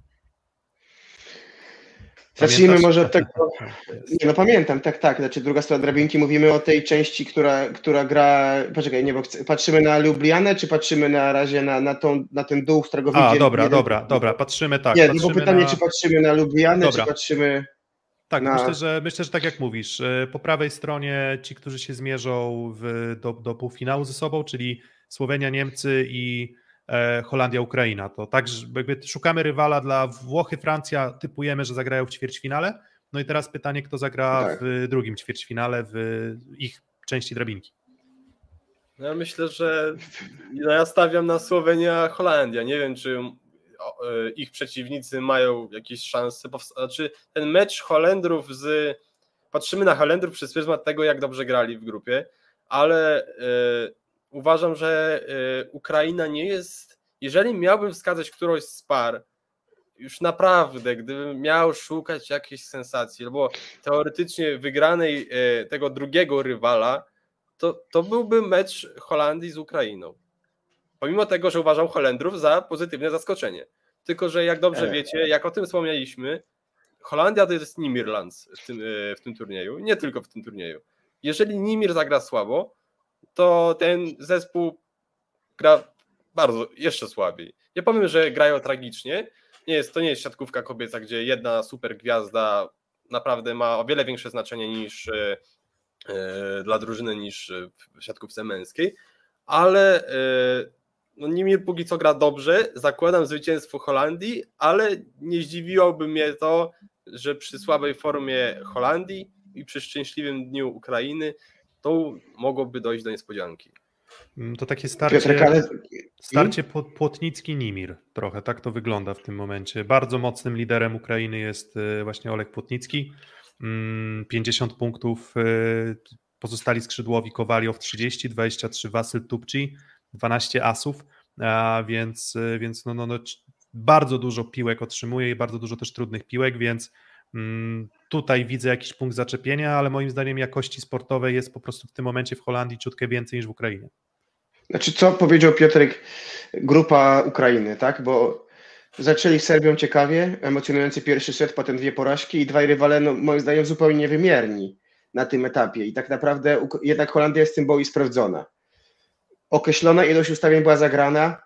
Zresztą mówiłem o tym w nagraniu przed, przed turniejem, że wierzę w pracę Piazzy i co pokazuje w tym turnieju też Holandia, dojrzałość na zmianach, bo jednak nie boi się zmienić i wprowadzić e, Terhorsta na niektóre ustawienia, Piazza. E, dość dobrze, dobrze wygląda plak, tak jak powiedziałeś, to jest e, jak Sineneza dla ubogich, tak? Dobrze, dobrze pamiętam, co pisałeś nam, tak. Tak, tak. tak. Oczywiście rozgrywającego nie zmienią, i, i jakby musimy żyć na pewnych określonych standardach. Ale czy rozgrywający Ukrainy jest zawodnikiem jakoś wyższym dużo jakościowo od Holandii? Mm, no, nie, nie, nie, nie specjalnie. Jakby szukam atutów sportowych Ukrainy na podstawie tego, co, co widziałem i, i, i nie bardzo je widzę. Tak, jakby mm, środkowi grają dość przyzwoicie. W sensie wydaje mi się, że ta para Drost Semeniuk potencjalnie, ale z drugiej strony no właśnie coś, co mnie też absolutnie zaskoczyło, to też nie wiem, czy wiecie a propos reprezentacji Holandii, bo mm, byłem w ciężkim szoku, ale zaraz wam to, zaraz wam to powiem. Stary, dobry znajomy z Plus Ligi, czyli e, Parkinson, um, na na 26 ataków skończył 16 i ani razu nie został zablokowany, ani razu nie popełnił błędu. Więc e, to jest też trochę tak, że z tymi środkowymi to te parametry skuteczności w ataku chyba bardziej zależą od tego, czy ty grasz w drużynie poukładanej, czy masz rozgrywającego z jakimś tam pomysłem. Wiesel, Weisel Keming? Chyba Weisel pewnie. E, Kim, Weisel Kaming, chyba pewnie tak by to trzeba było wypowie wypowiedzieć e, po niderlandzku. Mm, to jest zawodnik, który nie jest może najbardziej dokładny, ale podobała mi się ta Holandia w tym, że ona miała pomysł. To nie było, to nie jakby można powiedzieć, że to był pomysł może czasem ordynarnie prosty, czyli gramy do Nimira wszystko, co wymaga wyczyszczenia piłek sytuacyjnych, ale i pojawił się Tuinstra, e, i tak jak mówiłeś, e, Terhorst, i ci środkowi są naprawdę skuteczni. Mm, drużyna poukładana, Andringa trochę spokoju w tyłach wprowadza. E, no 3 do 1 dla, dla Holandii i myślę, że nie wiem, jeszcze wasze typy idziemy do Słowenia Niemcy. Ja bym też postawił na 3-1. Kurczę, mam fajną, ciekawą historię o, o tym graniu na Nimira. Nie wiem, czy mogę opowiedzieć, czy chcemy przechodzić już dalej. Możesz tak, dawaj, dawaj. E, to od Roberta Andrigi usłyszałem, bo rozmawiałem z nim o tym, no, że co możecie zrobić, aby tak bardzo nie obciążać Nimira, co może poprawić grę Holandii. No i on mi opowiedział właśnie o tym nimi, że byłem zdziwiony taką brutalną szczerością e, Roberta. On mi powiedział, słuchaj Michał, to nie jest żadną tajemnicą, e, rywale nie są głupi, że jeżeli mamy gdzieś piłkę po 20 punkcie, to my zawsze instru instruujemy rozgrywającego, by jeszcze więcej grał na Nimira. I dajemy mu piłkę na zasadzie jakoś to będzie. No wyobrażacie sobie, że na przykład w reprezentacji Polski ktoś mówi, no słuchajcie, jak nie wiemy co robić, to gramy lagę na Robercika w piłce nożnej. No. Tak, albo wiesz, lagę, no lagę na Kurasia chyba, co? Albo lagę na Semena, to tak by to musiało wyglądać, jakby miał typować. Ale to mm, jakby to pokazuje też dla mnie, jeżeli jesteś zawodnikiem takim jak Nimir, jeżeli jesteś w stanie robić takie liczby w drużynie odrobinę siatkarsko niekompletnej, tak to ujmę, delikatnie mówiąc, e, to, to dla mnie jest to tym bardziej imponujące. W sensie ja zawsze uważam, że trudniej się atakuje i trudniej się lepsze parametry robi e, w drużynach e, słabszych. Dlatego moim zdaniem atakujący z dołu tabeli, którzy się wyróżniają, to jest tym większy szacunek dla mnie niż, niż taki atakujący, który po prostu korzysta też trochę na tym, że na przykład wszystkie strefy są otwarte. Ale tak jak mówię, no jest, jest środek, no jest, jest pomysł, no, ale na końcu, kurczę, no ataki, 104 mm, ataki Nimir, 53 Terhorst, 50 Tuinstra, tak? Czyli w zasadzie jeden Nimir atakuje tyle, ile razem wziętych pozostałych dwóch y, lewoskrzydłowych, więc y, po co to zmieniać, jeżeli działa? No to, to, to, to też jakby to jako rozgrywający, co ma do czego zrobić, doprowadzić do zdobycia punktu przez drużynę, to jest jego rola. Natomiast Nawet jeżeli będzie miał słabszy mecz Nimir, to mam wrażenie, że dojrzał już Piazza, szczególnie w meczu z Ukrainą, do tego, żeby wprowadzić Termata. Więc wydaje mi się, że akurat w tym kontekście, nawet przy gorszym meczu Nimira, Ukra- e, Holandię pokona Ukraina i pokona ją 3 do 1, jeżeli chodzi o mój typ. Dobra, lecimy, lecimy dalej. Słowenia, Niemcy, Słoweńcy to podobnie sytuacja bardzo zbliżona do sytuacji z Brazylią, gdzie już chyba wszyscy ich trochę wkładali do grobu. Um, niektórzy pewnie mieli troszeczkę więcej nadziei związanych z grą przed własną publicznością. E, no i wypadli, wypadli naprawdę bardzo, bardzo dobrze. I, I te mecze z Niemcami i Kamerunem wygrane 3 do 0 to są mecze, które. Mm, nie mówią aż tyle o sile Słowenii i o ich potencjale, w szczególności we własnej hali, jak ten mecz z, jak ten mecz z Francuzami, ale no, wydaje się, że tutaj nie powinno być żadnej niespodzianki, bo tak jak mówiłem, to jest jedyna, jedyna para, która ponownie spotyka się w jednej ósmej. Mówiliśmy, że ten, system trochę jest dziwaczny, ale tak po prostu jest. Niemcy przegrali ze Słoweńcami w trzeci mecz fazy grupowej, bo to tak było, prawda, że w trzecim meczu przegrali. Tak, tak. Mija 5 dni czy 6 dni i Słoweńcy znowu spotykają się, się z Niemcami. Mm, może wróci Linus Weber do, do reprezentacji Niemiec, może to coś tam pozmienia, ale ja też nie mam przekonania, że zawodnicy wracający po jakichś tam kilku dniach kontuzji i przerwy, nie, nie spodziewam się, że było mu łatwo wejść w rolę lidera a tego by Niemcy potrzebowali. No, gdzieś potrzebują trochę więcej jakości. Niemcy mają najgorszy blok punktowy w całym turnieju. Michał postawił bardzo mocno, Michał Winiarski postawił bardzo mocno na Froma. Grał nim całą Ligę Narodów. No i, i, i tak jak Christian From jest zawodnikiem szalenie sympatycznym i też swoje piętno odstawił, ustawił na plus lidze w Jastrzębiu, tak to jest zawodnik, który moim zdaniem ma zawsze problem z tym BP na koniec meczu. To znaczy on jest w stanie dużo uratować atakiem, ale to jego przyjęcie przez to kuleje. Do tego dochodzi drugi przyjmujący, którym jakby teraz miał być Karlicek, no to Kampa będzie biegał jeszcze więcej niż biega. Jak to będzie Reichert czy Schott, to tam jest trochę miękko. No i to jest ta kwestia. Tego dochodzą młodzi środkowi, czyli no Krik, który akurat za Gianniego w Mistrzostwach Europy bodajże 17 miał swój mega moment. No i Mazę, no szkoda, że nie gramy z Niemcami. Ja osobiście wolałbym to, bo podteksty, bo trener, bo emocje, bo gliwice, to by było moim zdaniem na pewno medialnie ciekawsze niż granie z Tunezją. A przed Niemcami szalenie ciężkie wyzwanie. Wydaje mi się, że jedyne, gdzie widzę, co zobaczyłem w meczu z Francją na, na, na, na Słoweńcach, oni są niestety bardzo starą drużyną już. Nie boję się słowa stara, no bo czy tam ktoś po wyjściowym składzie jest poniżej 30 w ogóle w Słowenii? Nie wiem, może Czebu jest około 30, taki Kozamernik, ale Pajęk około 35, Urnot chyba też no generalnie jest to doświadczona drużyna i widać było na przykład już, że z, nim, z Francją brakuje pary, że już po prostu siedli skurcze fizycznie i długi mecz ze Słowenią daje nadzieję, tiebreak ze Słowenią daje nadzieję, ale w tej hali, przy tej zestawieniu personalnym, przy tym, że czują się z kretu, set wygrany dla Niemców będzie dla mnie już krokiem naprzód w ich grze w porównaniu do grupowej fazy, gdzie zawiedli i myślę, że to jest taki dla nich y, mecz o to, żeby się z turniejem pożegnać godnie, dobrym meczem, ja tak uważam, jeżeli chodzi o Niemców. Ja na przykład powiem od siebie, że ja trudno mi znaleźć jakąś zaletę Niemców obecnie. Że coś, że można byłoby gdzieś tam od biedy powiedzieć, że jeżeli to wypali, jeżeli Słowenia zagra bardzo słabo, to Niemcy coś mogą zdziałać. No, I oni na Lidze Narodów nie grali za dobrze, teraz też nie grają za dobrze. No i ja nie wiem, nie widzę nawet światełka w tunelu, nie wiem co musiałoby się zmienić, Gdzieś tam mówiło się o powrocie Grozera. Moim zdaniem to jest e, trochę temat już e, zakończony, bo już mówimy o 38-letnim zawodniku, chociaż on się cały czas młodo czuje. Ale no nie widzę, nie widzę nawet teraz tutaj w kontekście tego meczu ze Słowenią, w czym Słowenia, w czym e, Niemcy mogliby zaskoczyć Słoweńców, tym bardziej, że kilka dni temu z nimi grali i mocno dostali. Piotrek, Dokładnie. ty pewnie to spra- zadam pytanie tylko tobie jeszcze oddając mhm. głos. Winierowa siatkówka w Gdańsku wiemy jaka była. Maksyma, mi, naj, staranie się, żeby efektywność przeciwnika była jak najniższa. No defense, defense, właśnie, czyli ta staranie się o ograniczenie efektywności przeciwnika. Nie, nie wiem, czy masz liczby, czy Niemcy próbują to robić? Mm, no wiem, że na pewno za też tak będzie grało, to jest pewne. Akurat, akurat tych konkretnych liczb e, nie okay. mam. Wiadomo, że się wykorzystuje też jakby charakterystykę swoich zawodników, tak? No tak. Ale liczby dla mnie osobiście porażające. A na bloku, który właśnie wydawałoby się być atutem właśnie Trefla Gdańsk, czyli poukładanie tego mm, wyglądało tak. Ze skrzydłowych Reichert 0 bloków punktowych, From 1 blok punktowy, Karlicek 1 blok punktowy. Ze środkowych 5 bloków Tobiasa Krika i koniec. Mazy bez bloku.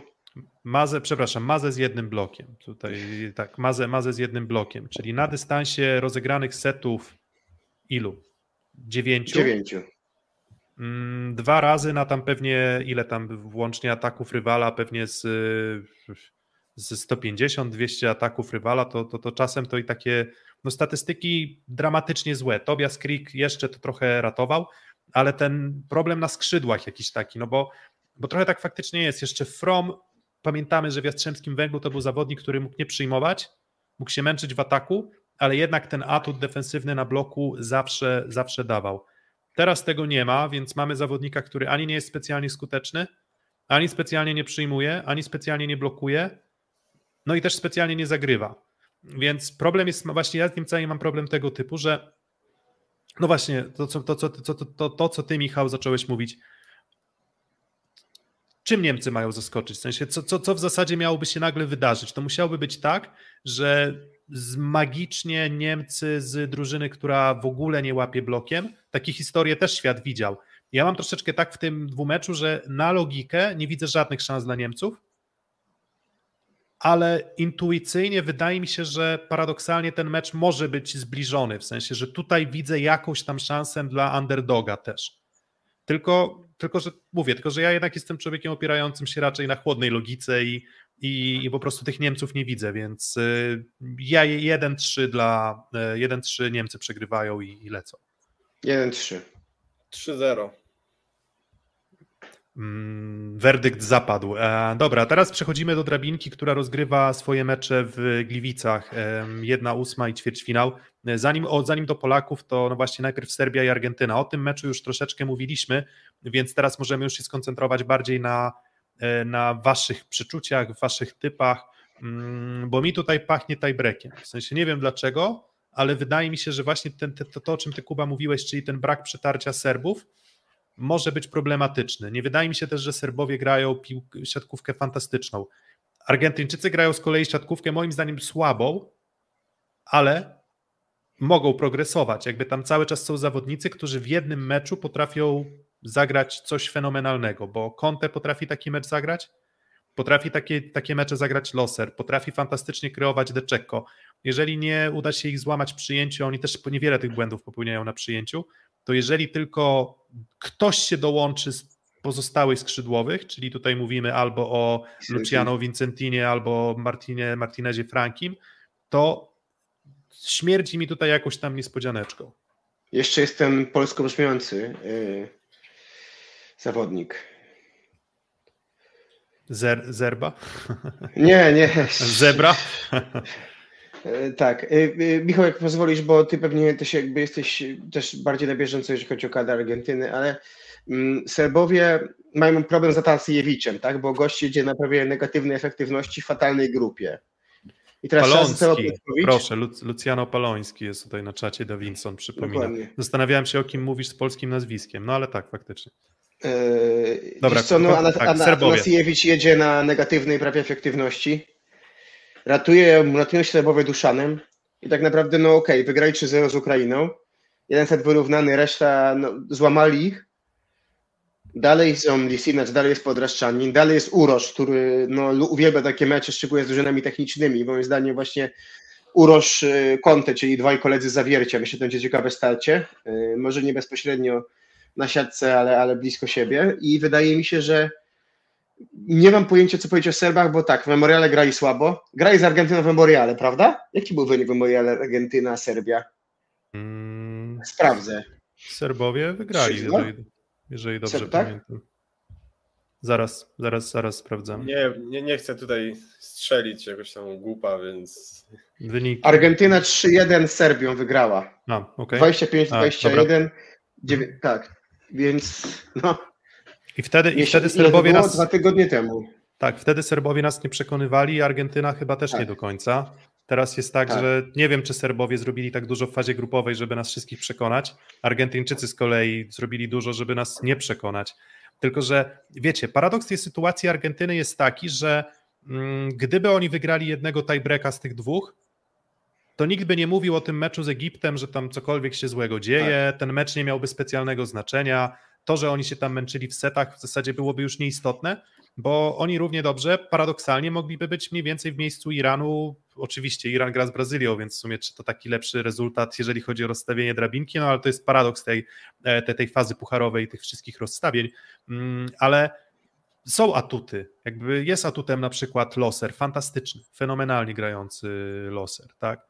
Cały czas jest, mówię, cały czas jest, są ludzie, którzy mają odejście, są ludzie, którzy też na tym turnieju są po prostu e, skuteczni, więc e, podświadomie, jakby wizualnie, jak ich obserwuję, to mam poczucie, że wygląda to źle, że, że, że trochę zostali zweryfikowani i, i, że, i, i że te, jak to, ktoś to powiedział, że ten brązowy medal Argentyna trochę w czypsach znalazła e, z, w Tokio, Mm, co jest oczywiście bardzo niesprawiedliwym e, porównaniem, ale to na pewno jest drużyna słabsza mm, niż, niż była w Tokio.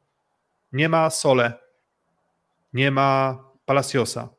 Dwa duże ubytki, moim zdaniem, i ubytki też widoczne w grze.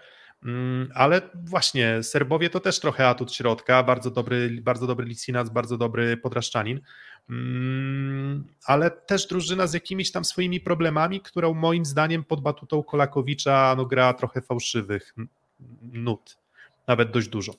Mm, Więc no ja tutaj przekornie dam 3-2 dla Argentyny, a co, bo, bo po prostu chcę, szukam gdzieś niespodzianki, więc ja tutaj mm, typuję Argentynę. Ja bym dał 3-1 dla Serbii. Przy czym e, to, co mówicie o Argentynie, jest ciekawe, bo z jednej strony ja mam wrażenie, że pojedynczy zawodnicy na tym turnieju miewali momenty dobre. Problem jest taki, że to nie, nie, nie tworzyło całości. Jak ja rozmawiałem z Luciano i rozmawialiśmy o igrzyskach, on mi powiedział: Michał, ten dwa tygodnie w Tokio to było najlepsze dwa tygodnie. yy, Najlepsza for... Każdy z 12 zawodników miał dwa tygodnie najlepszej formy w karierze. To mi dało do myślenia, że tam po prostu złożyło się wiele takich. Nie chcę powiedzieć właśnie, że jak ty tak cytowałeś, że w chipsach wygrali, no ale jednak sporo szczęścia się na to nałożyło. No i teraz yy, każdy patrzy na Argentynę, bo to są brązowi medaliści. No moim zdaniem tam niby ten trzon został, wiadomo, został, e, nadal jest Czeko, nadal jest Conte, jest jeszcze Lima, e, ja bardzo no, lubię dosyć tego zawodnika, nie wspomnieliście o nim, a on jest trzecim najlepszym, najskuteczniejszym zawodnikiem e, teraz z turnieju, za właśnie za Nimirem i za Kubańczykiem. Myślę, że tutaj no, ta Arg- Argentyna może tego seta wygrać, mimo że, mimo że nie porywa, mimo że mam wrażenie, że gra jeszcze gorzej niż e, grała na Memoriale. Z kolei u Serbów, no to też takie trochę może kontrowersyjne, może powiedzieć, że trochę głupie jest porównanie, ale mam wrażenie, że to jest trochę bardzo ulepszona Kuba, w sensie, że też jest taka surowa trochę. Że też e, oni wygrywają, mają tego Kowaczewicza, e, mają ten świetny środek, ale tam też czegoś takiego brakuje czasami, e, takiej, takiej trochę mądrości IQ siatkarskiego. Mhm. I, I właśnie, właśnie to jest dla mnie atut dla, dla Argentyny, właśnie, że to, no to jest jeden z takich aspektów, które powodują, że wierzę w to, że oni mogą z tych Serbów poszarpać. E, z tego względu, że no, Serbowie na pewno lepiej poradziliby sobie, tak myślę, z drużyną, nie wiem, pokroju Kuby. Mhm. Ale weź zobacz, y, zmień rozgrywających i masz 3 do 0 dla Serbii. Jak zmienisz rozgrywających między siatką, z- zmienić ich, nie? Mhm. To robisz szybko 3 do 0 dla Serbii, a tak to mecz może być ciekawy. No wiesz, ale ten, Kuba, Kuba Bednaruk na Twitterze skomentował, że już nigdy w życiu nie będzie narzekał na Jowowicza. Po tym, jak zobaczył asów e, z Kuby na rozegraniu. więc, e, więc wydaje mi się, że, mm, że no, no, no, na pewno nie jest atutem Serbów, e, ale myślę, że już nie ma co przedłużać tej dyskusji. Um, typy nasze znacie. Okej, dobra, bo Kuba, ty jeszcze się chyba nie odniosłeś, bo Michał mówi Serbia 3-1 przejdzie dla... mimo wszystko 3-2 Serbia. Okej, czyli Serbia 3-2, ja Argentyna 3-2 i 3 do 1 Michał stawia na, mm, na Argentynę. Dalej mamy Brazylię z Iranem i tego typu para na poziomie VNL-u wyglądałaby niesamowicie smacznie i bardzo wyrównanie. Tutaj mam takie poczucie, że Iran, no jeżeli nie jesteś w stanie zwalczyć Holandii w meczu o wszystko, w którym tak naprawdę, znaczy w meczu o wszystko, no w meczu o bardzo dużą stawkę, bo stawkę mm, o drabinkę, która może ci otworzyć coś naprawdę dużego, szansę na, na, na ćwierćfinał, może nawet i półfinał mm, Mistrzostw Świata, a ty to przegrywasz to moim zdaniem gładko, wypuszczasz duże prowadzenie mm, dodatkowo jeszcze w, w jednym z setów, no to ten Iran jest bardzo rozchwiany i i moim zdaniem jest na tyle rozchwiany, że nawet jakiś fantastyczny mecz, miałem taki moment, że myślałem, że kurczę, no może jakiś tam wyrównany mecz y, Amina, e, znaczy może wyrównany, fantastyczny mecz Amina może dać wyrównany mecz z takim rywalem jak Brazylia, mm, ale nie widzę tego. Po prostu, po prostu tego nie widzę. Moim zdaniem e, Brazylia powinna to bez specjalnych problemów wygrać jakości jest tam dużo, dużo więcej, a dodatkowo wyglądają po prostu bardzo dobrze, na bardzo dobrze przygotowanych fizycznie, więc 3 do, no nawet 3 do 0 dam dla Brazylii. Dla mnie to jest e, pojedynek drużyn, które e, przed tym turniejem, o których przed tym turniejem mieliśmy inne zdanie, a o których mamy inne zdanie teraz. Bo o Brazylijczykach mówiliśmy, że wszystko się zapowiada, że zawiodą, że to może być klapa, a grają dosyć, e, dosyć, dosyć dobrze. Z kolei z Iranem patrzyliśmy na Iran bo przez pryzmat Ligi Narodów, które między innymi nas pokonali i, i tak też miałem wrażenie, że Iran może tutaj właśnie zaskoczyć, a nie zaskakuje. Więc dla mnie to jest taki pojedynek e, dwóch e, drużyn, które gdzieś inne, inne zdanie teraz, inną opinię o sobie wytworzyło, ale no zgodzę się tutaj, myślę, że Iran może seta urwać w Brazylii przez to, że Brazylia czasami ma, mam wrażenie też tak e, ma taką tendencję, że gdzieś ten jeden set może im wpaść, stracić tak, nawet nie, nie przez to oni sami mogą gdzieś tam zrobić błędy, może coś po prostu seria kilku punktów, ale w skali całego meczu, no to myślę, że 3-1 dla Brazylii. Jestem ciekawy, co się wydarzyło wokół tego tematu Sejeda i tego wszystkiego, bo wydawało się, że Milat Ebadipur na Lidze Narodów 2022 to był Milat z pierwszego sezonu w Krze, który nas zadziwiał, wygląda świeżo fizycznie, wyskakany, trzymał kierunki na zagrywce, trzymał atak, dokładał jakość przyjęcia, był takim klejwem drużyny. Coś się wydarzyło takiego, że na memoriale ta drużyna wyglądała sobą słabo, w tej grupie nie przekonała ani na minus, ani na plus, czy pokazała się moim zdaniem tak, jakbyśmy oceniali Iran bez VNL-u w tym roku. Czyli mniej więcej to, co ile ta młoda drużyna może grać. I teraz wydaje mi się, że Brazylia znalazła w sobie po pierwsze bardzo dobrą pozycję fizyczną, chyba drugą najlepszą po nas, a po drugie znalazła w sobie dobrą konfigurację personalu na boisku, która powoduje, że Brazylia nie traci kupio punktów. I wydaje mi się, że przy tej stabilności gry Brazylii, którą nie pokazali tak naprawdę już na dystansie sześciu setów od początku wejścia Fernando Kerlinga z Kubą, że taki Iran jest zespołem, który, ok, oczywiście jest pewnie kopie trochę słabiej niż, yy, niż yy, Iran, niż Kuba, ale jest trochę bardziej techniczna. I moim zdaniem i na ten sposób, i na ten fazie grupowej yy, zdała za Brazylia sposób. Wydaje mi się, że 3 do 0 ten mecz wygra, bo widząc jaką mają drabinkę, Brazylia czuje szansę medal, a medal ma od lat 20 zawsze. Finał zawsze był 98, 2002, 2006, nie, 2002, 2006, 2010 finały, 14, 18, no 5 finałów pod rząd, no. Nie wypuszczę tego. 3-0. No ja też, te, też myślę, że 3 do 0. Jedyny jakiś tam minus widzę, że, że, że jeszcze mam wrażenie, że trochę zgrzyta um, Lucarelli.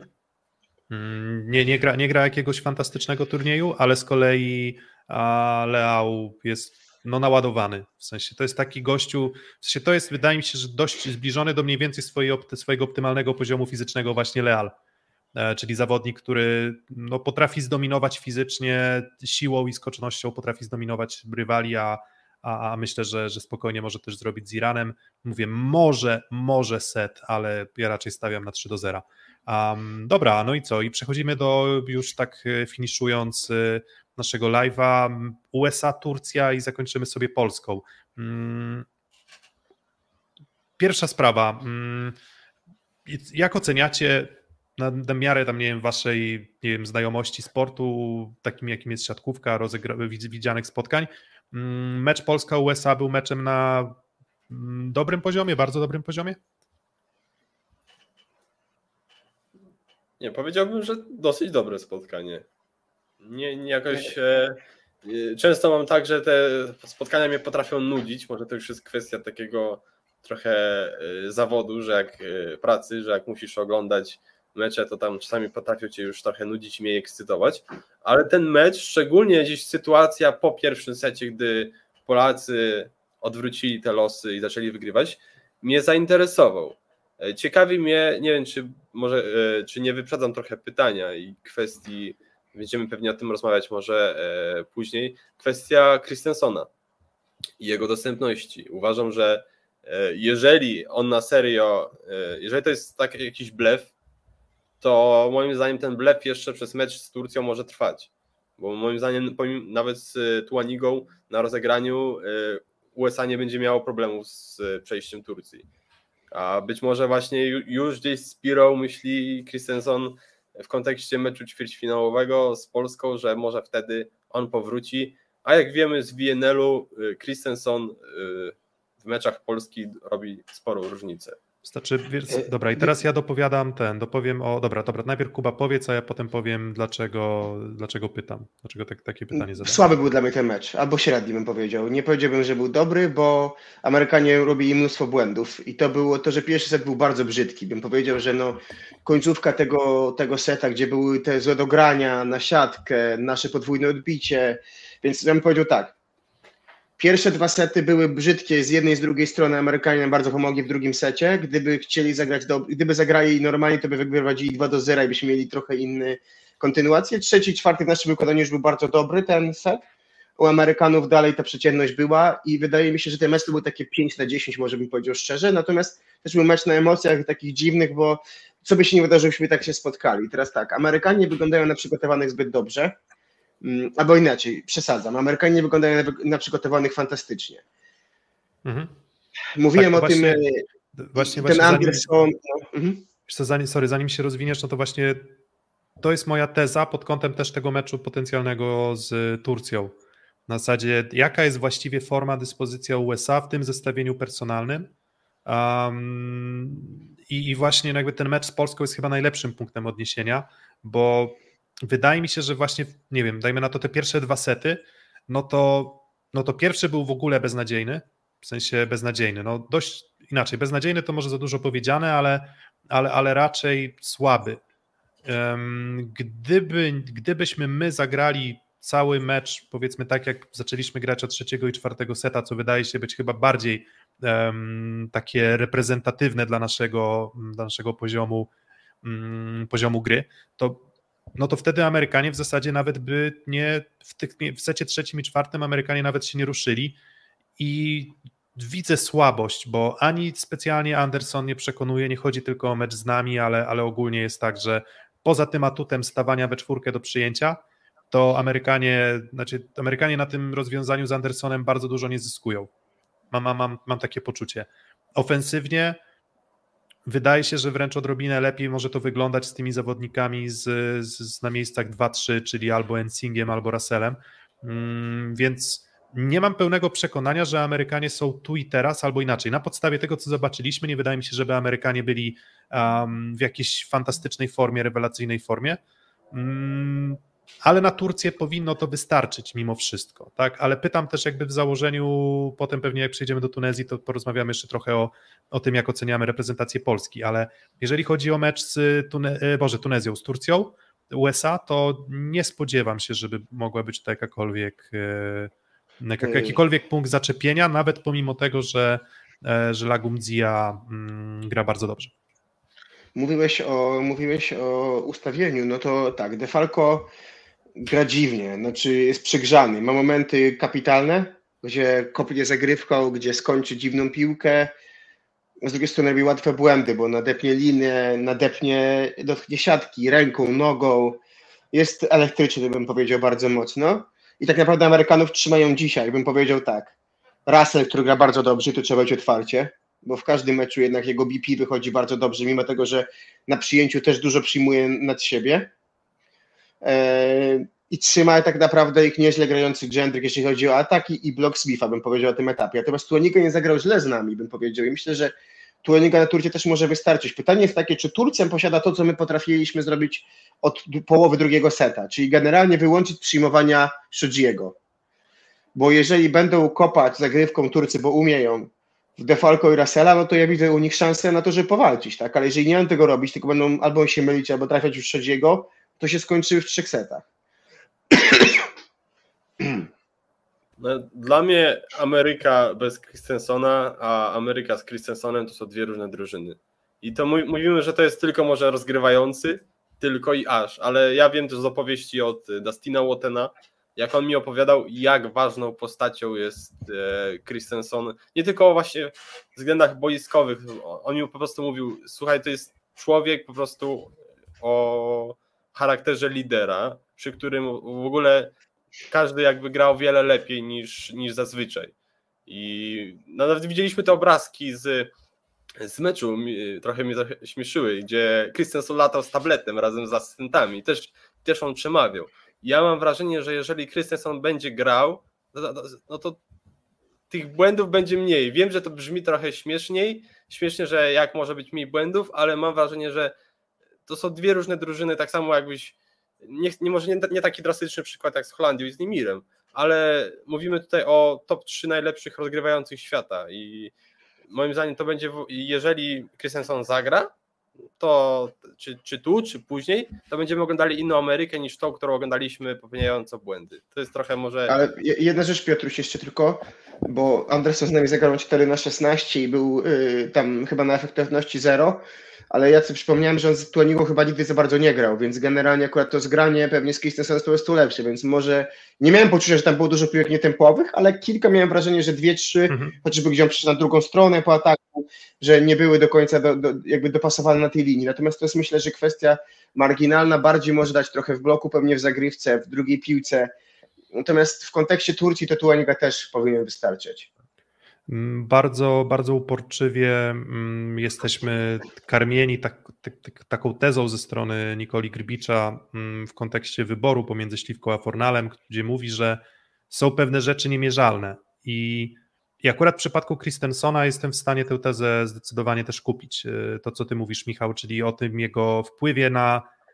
Jakby z punktu widzenia nawet ktoś tam zwróci uwagę, ok, ale przecież Amerykanie wykręcili bardzo dobre parametry ze słabego przyjęcia, mieli dobre liczby na pozytywnym przyjęciu, um, ale już na przykład, y, no nikt nie powie mi, że nie jest, tu, nie jest problemem Tuanigi na przykład, nie wiem, blok, bo jest. Na zagrywce myślę, że nie byłoby dużej różnicy, bo on i tak krzywdę robił, ale jest problem na bloku, jest problem ze sprawnością fizyczną. Może te słabe parametry Amerykanów na kontrze też wynikały z tego, że do pewnych piłek Tuaniga po prostu już nie byłby w stanie dojść, bo po prostu nie jest aż takim atletą jak, jak Christensen, albo nie byłby w stanie na przykład na tyle precyzyjnie tych piłek odbić. Mm, więc jakby miał szukać jakichś tam test powodów, dla których też Amerykanie przegrali z nami na kontrze, a przegrali to dość wyraźnie, tam rzędu chyba około 20 kilku procent oni, do praktycznie prawie że 50% skuteczności my.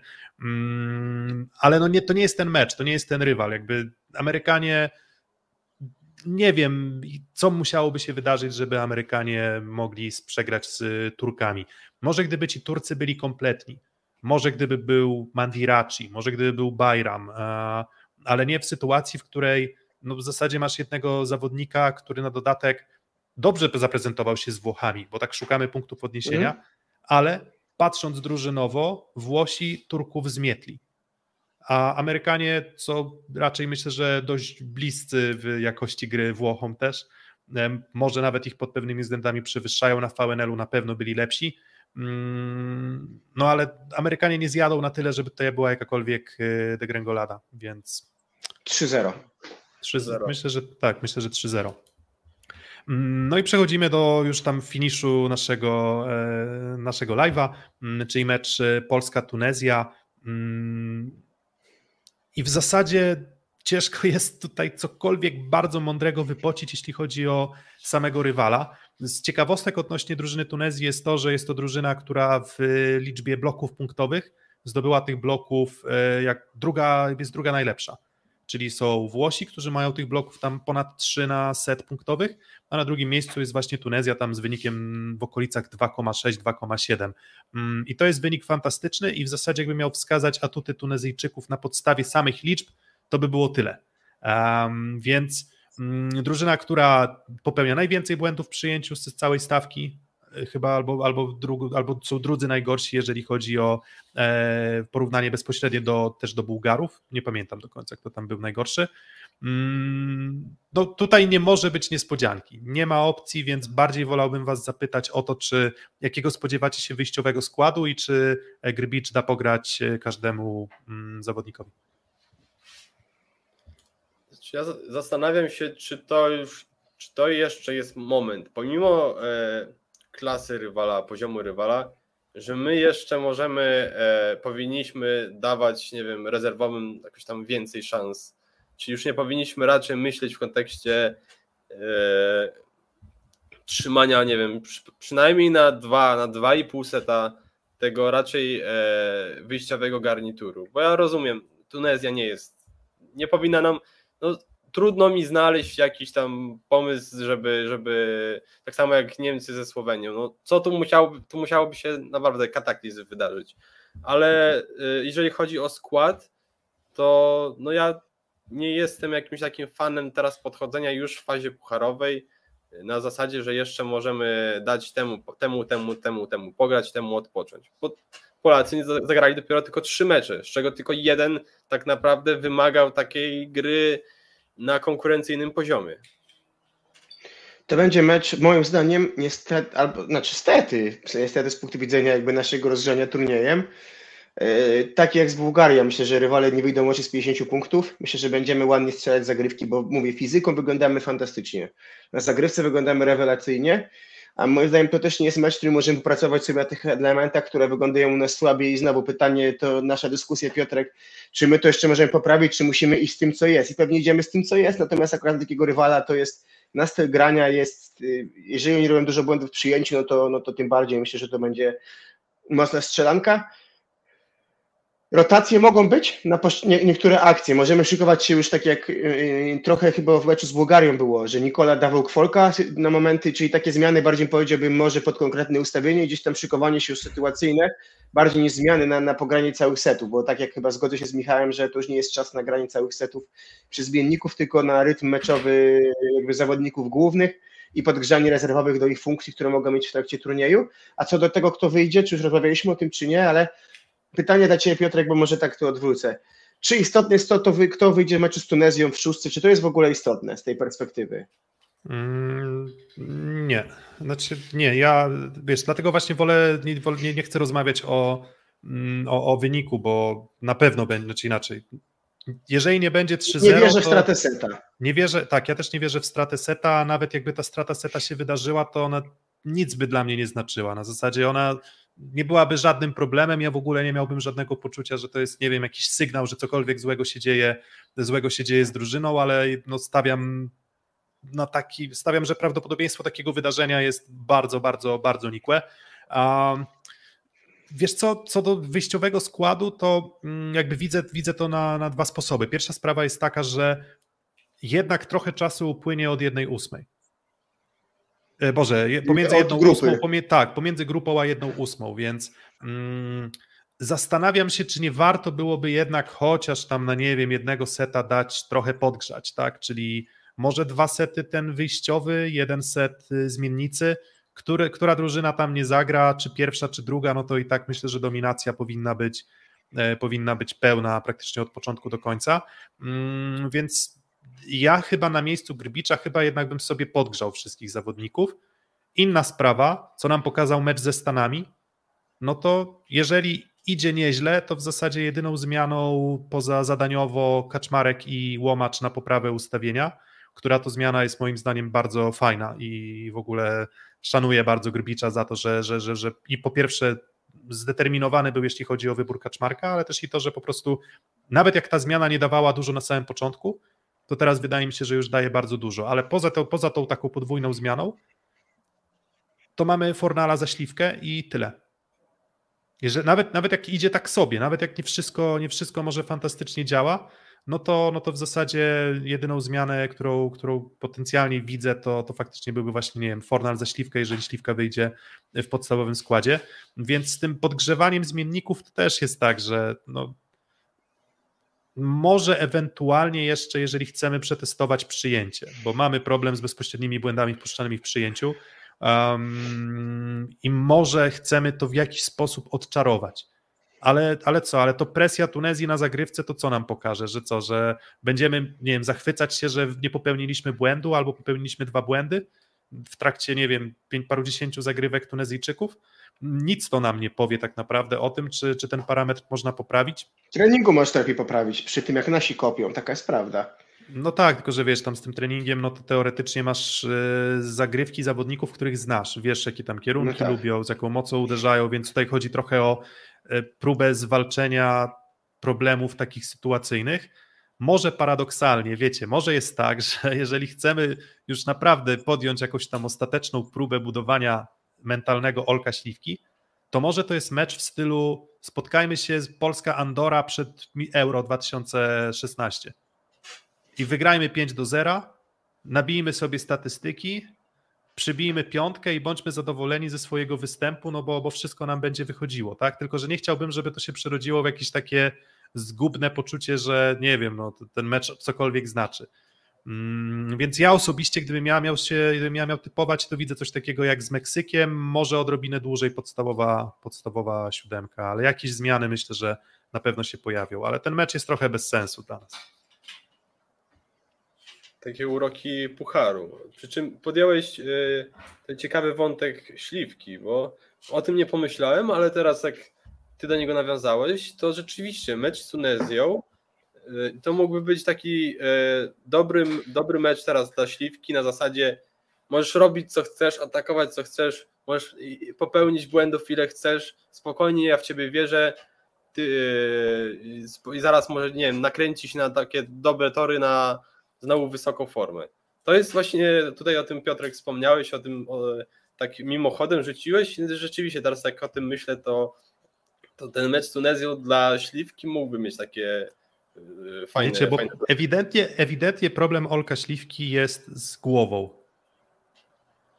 Jakby, to, jakby to, to, to, jest, to jest chyba problem główny, tak? W sensie wszyscy yy, słyszymy, słyszymy z wywiadów yy, o problemach z perfekcjonizmem, z takim obsesyjnym wymaganiem od siebie, a z nie wiem, z, może spiną, może odrobiną, nie wiem, braku luzu, um, braku może wiary we własne możliwości w pewnych w pewnych aspektach.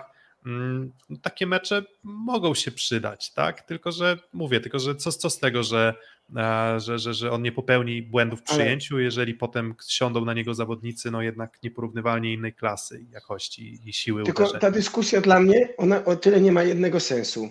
W 2014 roku wchodziliśmy na mistrzostwa z Pawłem Zagumnym, tak? Zagrał świetnie z Serbią, narodowym, poradził sobie z tą specyficzną atmosferą, z tą piłką i tak dalej. W trakcie turnieju zaczął grać Fabian Drzyzga. Tak? Zaczął być pierwszym. I była, ja nie pamiętam wtedy jakiejś wielkiej dyskusji, dlaczego gra Fabian, a nie gra Paweł, skoro wygrywamy. W finale dochodzimy do sytuacji, w której Fabian pierwszy set z, z Brazylią zagrał słabo, wchodzi Paweł, zmienia sposób grania, kończy pierwszy set, drugi set pipe'em Mika, potem dużo piłek idzie do Zagumnego i wygrywamy Mistrzostwo Świata. No, zmiany w turnieju w składach są naturalne. My możemy sobie mówić o wielu turniejach, które kreowały nowych zawodników, mm, eura piłkarskie teraz chociażby, jak mam sobie pomyśleć o tym, no to w trakcie turnieju też Chiesa wszedł, tak, u Włochów zamiast Berardiego. I to jest normalne, no takie rzeczy się dzieją w turniejach, tak, w turniejach sportów zespołowych dochodzi do zmiany w składach. Jest jakaś wielka dyskusja, co chwilę poda się selekcjoner, no jakby o czym my rozmawiamy tu tak naprawdę, no Właśnie... Skupmy się na tym, żeby wygrywać jako zespół, żeby wyglądać lepiej jako zespół. Czy, czy, czy, czy, czy nasz medal będzie bardziej wartościowy, jeżeli go zdobędzie jakiś zawodnik? Oczywiście jest presja ludzi, bo nie chcemy sytuacji sprzed roku z Michałem Kubiakiem. Tylko, że Olek jest zdrowy, jasna sprawa. Natomiast no, nie chcemy powtórzyć sytuacji, w której uparte stawianie na zawodnika pozbawi nas medalu, tak? Do tego nie chcą kibice, to jest oczywiste. Wiesz, żeby, żeby to wybrzmiało absolutnie jasno, tak? Bo, bo widzę, że to jest oczywiście moment, w którym ta dyskusja nasza trochę się podgrzała, ale, ale super właśnie o to, o, o to też mi chodziło. Żeby to wybrzmiało jasno, ja ufam Nikoli Grbiczowi i nie rozumiem jego decyzji wszystkich, ale nie mam tylu informacji, nie mam tylu danych do podjęcia decyzji. On może robić co chce, tyle tylko, że gdzieś z, z procesem decyzyjnym, który tutaj zachodzi, mam wrażenie, że jedyną rzeczą, którą tak naprawdę uratuje Grbicza, jest w tym momencie złoto. I ja nie wiem, czy on nie krzywdzi Olka Śliwki. Wiecie, ja nie wiem, ja nie wiem, czy Olek Śliwka nie dostaje mentalnie po głowie, bo wszyscy mówią nie, to ja się zastanawiam. No jeżeli palisz się w robocie jeden, drugi, trzeci, piąty raz, szósty raz, to twój szef ci mówi siódmy i znowu się spal na jakimś spotkaniu, na, na prezentacji przed kimkolwiek. Jakby znowu, znowu masz przegrać, czy może jednak próbujesz w inny sposób go podbudować, bo to jest trochę, mm, trochę to wygląda jak taka wiara, takie przekonanie w to, że magicznie coś się wydarzy. Może się wydarzy, może faktycznie jest tak, że nagle Olek Śliwka na pewnym etapie, na pewnym etapie odpali. I Grbicz ma pełne prawo do tego zaufania. Ja powiem więcej. My jesteśmy w stanie, moim zdaniem, wygrać złoto albo awansować do finału, albo zdobyć dowolnego koloru medal na tych, na tych mistrzostwach z Olkiem Śliwką grającym tak jak gra. Wystarczy, że będzie odejście u Semeniuka, wystarczy, że będzie odejście u Kurka, wystarczy, że będą środkowi grali tak jak grają i można grać z tym jednym elementem gorzej ale mówię, ryzyko, jakie widzę po stronie właśnie Nikoli, e, Nikoli Grbicza, mm, to jest, jest takie, że po prostu on w tym momencie trochę sam sobie tę pętlę na szyję nakłada. Bo poziom szamba, jakie wyleje po tym, jak śliwka hipotetycznie zawali jakikolwiek mecz dalej w fazie pucharowej, będzie przeogromny. Przeogromny. I, i, i tego nie rozumiem. Jakby, jakby tego trochę nie rozumiem, ale żeby nie było, szanuję, szanuję. Jakby to jest decyzja, to jest decyzja Nikoli Grbicza, niech nas to prowadzi do złota. Jeżeli uważa, że chodzi o ten, jeżeli uważa, że chodzi o budowanie zawodnika z ławki, niech buduje zawodnika, który będzie wchodził z ławki, niech Fornal ratuje mecze, tylko że to zawsze, zawsze już będzie dyskusja pod tytułem mm, czy my, czy, czy właśnie Kuba, to coś, co ty, co ty poruszyłeś, czy my w ogóle możemy czuć się w jakiś sposób źle z tym, że dajmy na to wygramy złoto z zawodnikiem, który odstaje. I inaczej, czy jeżeli zawodnik odstaje, a my wygrywamy złoto, to czy możemy powiedzieć, że on nie odstaje i mamy fałszować rzeczywistość? Wiesz co, no Francja przecież, my, bo my trochę chyba się, tak jak dzisiaj, dzisiaj widziałem w dyskusji, my się uczymy roli takiego zespołu, kim jesteśmy. Jak były Mistrzostwa Świata piłkarskie 18 rok w Rosji, we Francji Deschamps stawiał na Giroud na przykład, tak? I grał tym Giroud, który zdobył bramek i tak dalej, a Francja wygrała w cuglach te mistrzostwa tak naprawdę. I na końcu, okej, okay, możemy, we Francji jechali z tym Giroud i tak dalej, że na ławce siedzieli lepsi zawodnicy od niego, bo tam siedzieli niektórzy pomocnicy kreatywni i tak dalej. Wygrali, wygrali, to się na końcu liczy i myślę, że skupienie się na jednym zawodniku konkretnie to krzywdzi jego, krzywdzi drużynę i tak naprawdę ja tej dyskusji po prostu trochę nie rozumiem. Mamy wygrywać, jeżeli, jeżeli teraz dokona zmiany, to dokona, jeżeli nie dokona i przez niego przegramy, to będzie wina trenera i będziemy jakby, no, na końcu on cenę za wynik. Natomiast mam wrażenie, że tak jak też tej decyzji nie rozumiem i, i też nie rozumiem trochę stylu bycia trenera, który jest moim zdaniem mocno bałkański, tak myślę, że po meczu z, z USA w Lidze Narodów, w każdym momencie, kiedy był moment równy, on zmienia już, tak? Bo zobacz, z Włochami w drugim secie w Lidze Narodów wchodzi Fornal nie przy przegrywaniu, tylko przy równym wyniku. Z Amerykanami teraz wchodzi w drugim secie przy po 19, tak? Nie wchodził za późno, wszedł za późno pewnie z Amerykanami wtedy, żeby dać jakiś impuls, tak? Chociaż tam wtedy zaczął Defalco strzelać.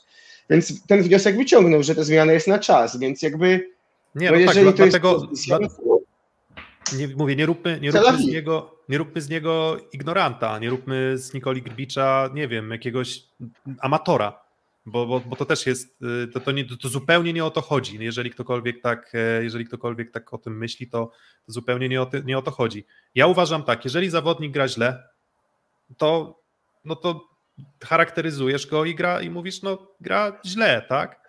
I kolejna kwestia, która mi się nasuwa, wypowiedzi, że on jest, że, że jest spoiwem drużyny Olek Śliwka, że mm, jego rola jest jakby niewidzialna, że jest trochę poza statystykami, że w indywidualnych statystykach tego nie zobaczymy. I tak sobie myślę, słuchają zmiennicy, słucha Kwolek, e, słucha Fornal i tak sobie myśli, to co, to ja nie potrafię być tym spoiwem? To w sensie trochę jest to niespójne, bo wchodzę na boisko, będąc z Tomkiem Fornalem i, i pełnię tę rolę. Jakby, jakby nic, się, nic się nie zmienia. Nie uciekam od odpowiedzialności, tak? Bo tam też był argument, że odpowiedzialność bierze, bierze Olek Śliwka na siebie. No to jeżeli odpowiedzialność ma wyglądać tak, że on bierze piłkę w przyjęciu i myli się cztery, co czwartą piłkę, no to nie wiem, czy to jest odpowiedzialność, której chciałbym szukać od, od zawodnika w, w jak, jakiejkolwiek drużynie.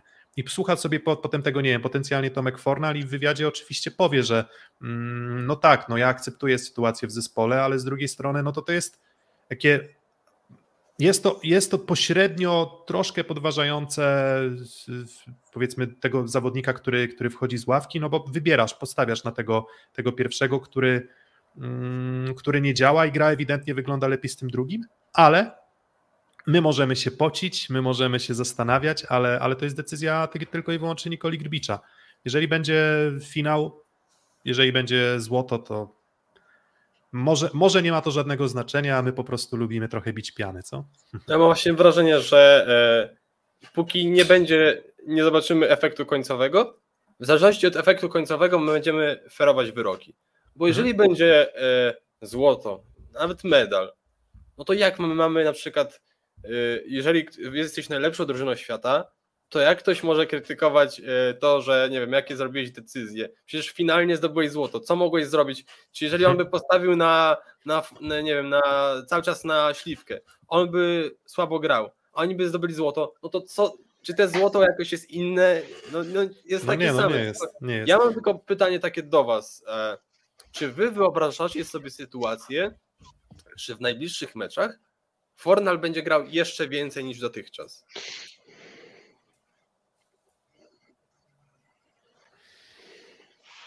Kuba? Nie wiem, czy słyszałeś pytanie, czy nie słyszałeś pytania. No, czy z Tunezją nie, z USA zobaczymy. No, jak będzie, tak, tak, czy Forna będzie grał więcej niż dotychczas. Czy z Tunezją że, myślę, że nie, a z Amerykanami zobaczymy, jak będzie mecz. No i tutaj też słowa... E, On jest przygotowany świetnie do turnieju. Moim zdaniem.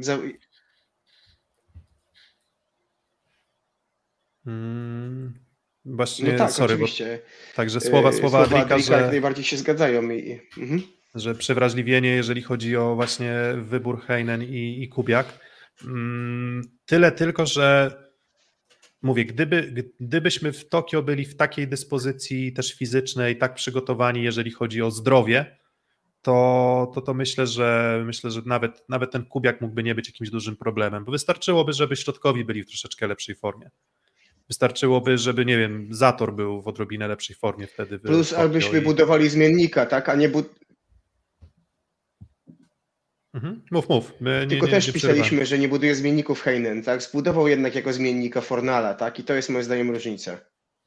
Po prostu. Znaczy, gr, Grbicz, Grbicz, że Grbicz nie buduje dostrzegamy, ale, ale ona jest, tak? Czyli, że znaczy, nie, nie, że powiedziałeś, Grbicz że... zbudował Fornala jako zmiennika, u Heinena... Tak, powiedziałeś Heinen. Sorry, jakieś duże tak, problemy tak, no, techniczne. Czy Heinen nie zbudował zmienników i dlatego jak chcieliśmy... A, okej, okay, to, to przepraszam, to poczekaj, to jeszcze raz. Heinen nie budował zmienników, Grbić jednak tego Fornala jako zmiennika zbudował. Nie, no nie, nie pełna, pełna zgoda i, i mówię, i to nie jest tak, że ta drużyna Grbicza moim zdaniem wygląda zespołowo dobrze. I ja nie będę oceniał całości postawy jego jako trenera przez pryzmat tego, że jest jakaś tam decyzja, która, z którą się nie zgadzam. Bo ja nie będę mówił, wiecie, ja nie będę mówił, że się zgadzam i bezkrytycznie uważam, że Nikola Grbicz, e, nie wiem, robi, podejmuje decyzję moim zdaniem idealną, ale, ale podejmuje swoją decyzję i, i mówię, nie będę na pewno mówił, że że, że ta drużyna, po pierwsze, ta drużyna może i tak wygrać złoto. Ja to podtrzymuję, zresztą ja typowałem Polskę do złota i uważam, że, że potrafimy spokojnie, spokojnie to wygrać. Ja uważam, że ta drużyna będzie progresować, ale jednak, jeżeli miałbym wskazać jeden element układanki u Grbicza, który nie działa dobrze, to jest jakość przyjęcia.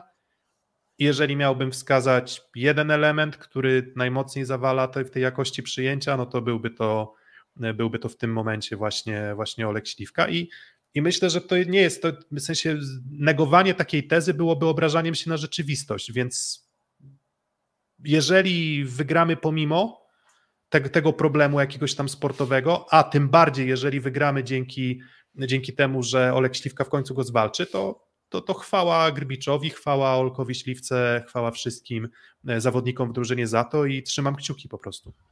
Już mi się wydaje, że jeżeli odpukać gdzieś e, zawiedziemy i wcześniej odpadniemy, to nawet będzie przypominany temat Leona. Że mam wrażenie, że po prostu w ramach porażki może być e, tutaj po prostu ludzie będą szukać różnych argumentów. Będzie już nie tylko śliwka, będzie Leon i po prostu, a, a z drugiej strony, no tak jak o tym już wspominaliśmy wcześniej, będzie, będzie złoto, to nikt ci nie będzie patrzył na ręce i sposób, w jaki tego złota, do tego złota doszedłeś. No właśnie, dlatego mm, trochę pobiliśmy pianę. E, ktoś tam może w międzyczasie, wiecie, da nam łapkę w górze, bo uzna, że my się w ogóle, nie wiem, szukamy dziury w całym, a my tak właśnie trochę lubimy poszukać dziury w całym, mm, ale jednocześnie też mówię, no ja, ja mam w sobie duszę kibica i ja po prostu wierzę w tę drużynę i uważam, że jest to drużyna kapitalnych siatkarzy i uważam Olka Śliwkę za też kapitalnego siatkarza, tylko że po prostu bez formy.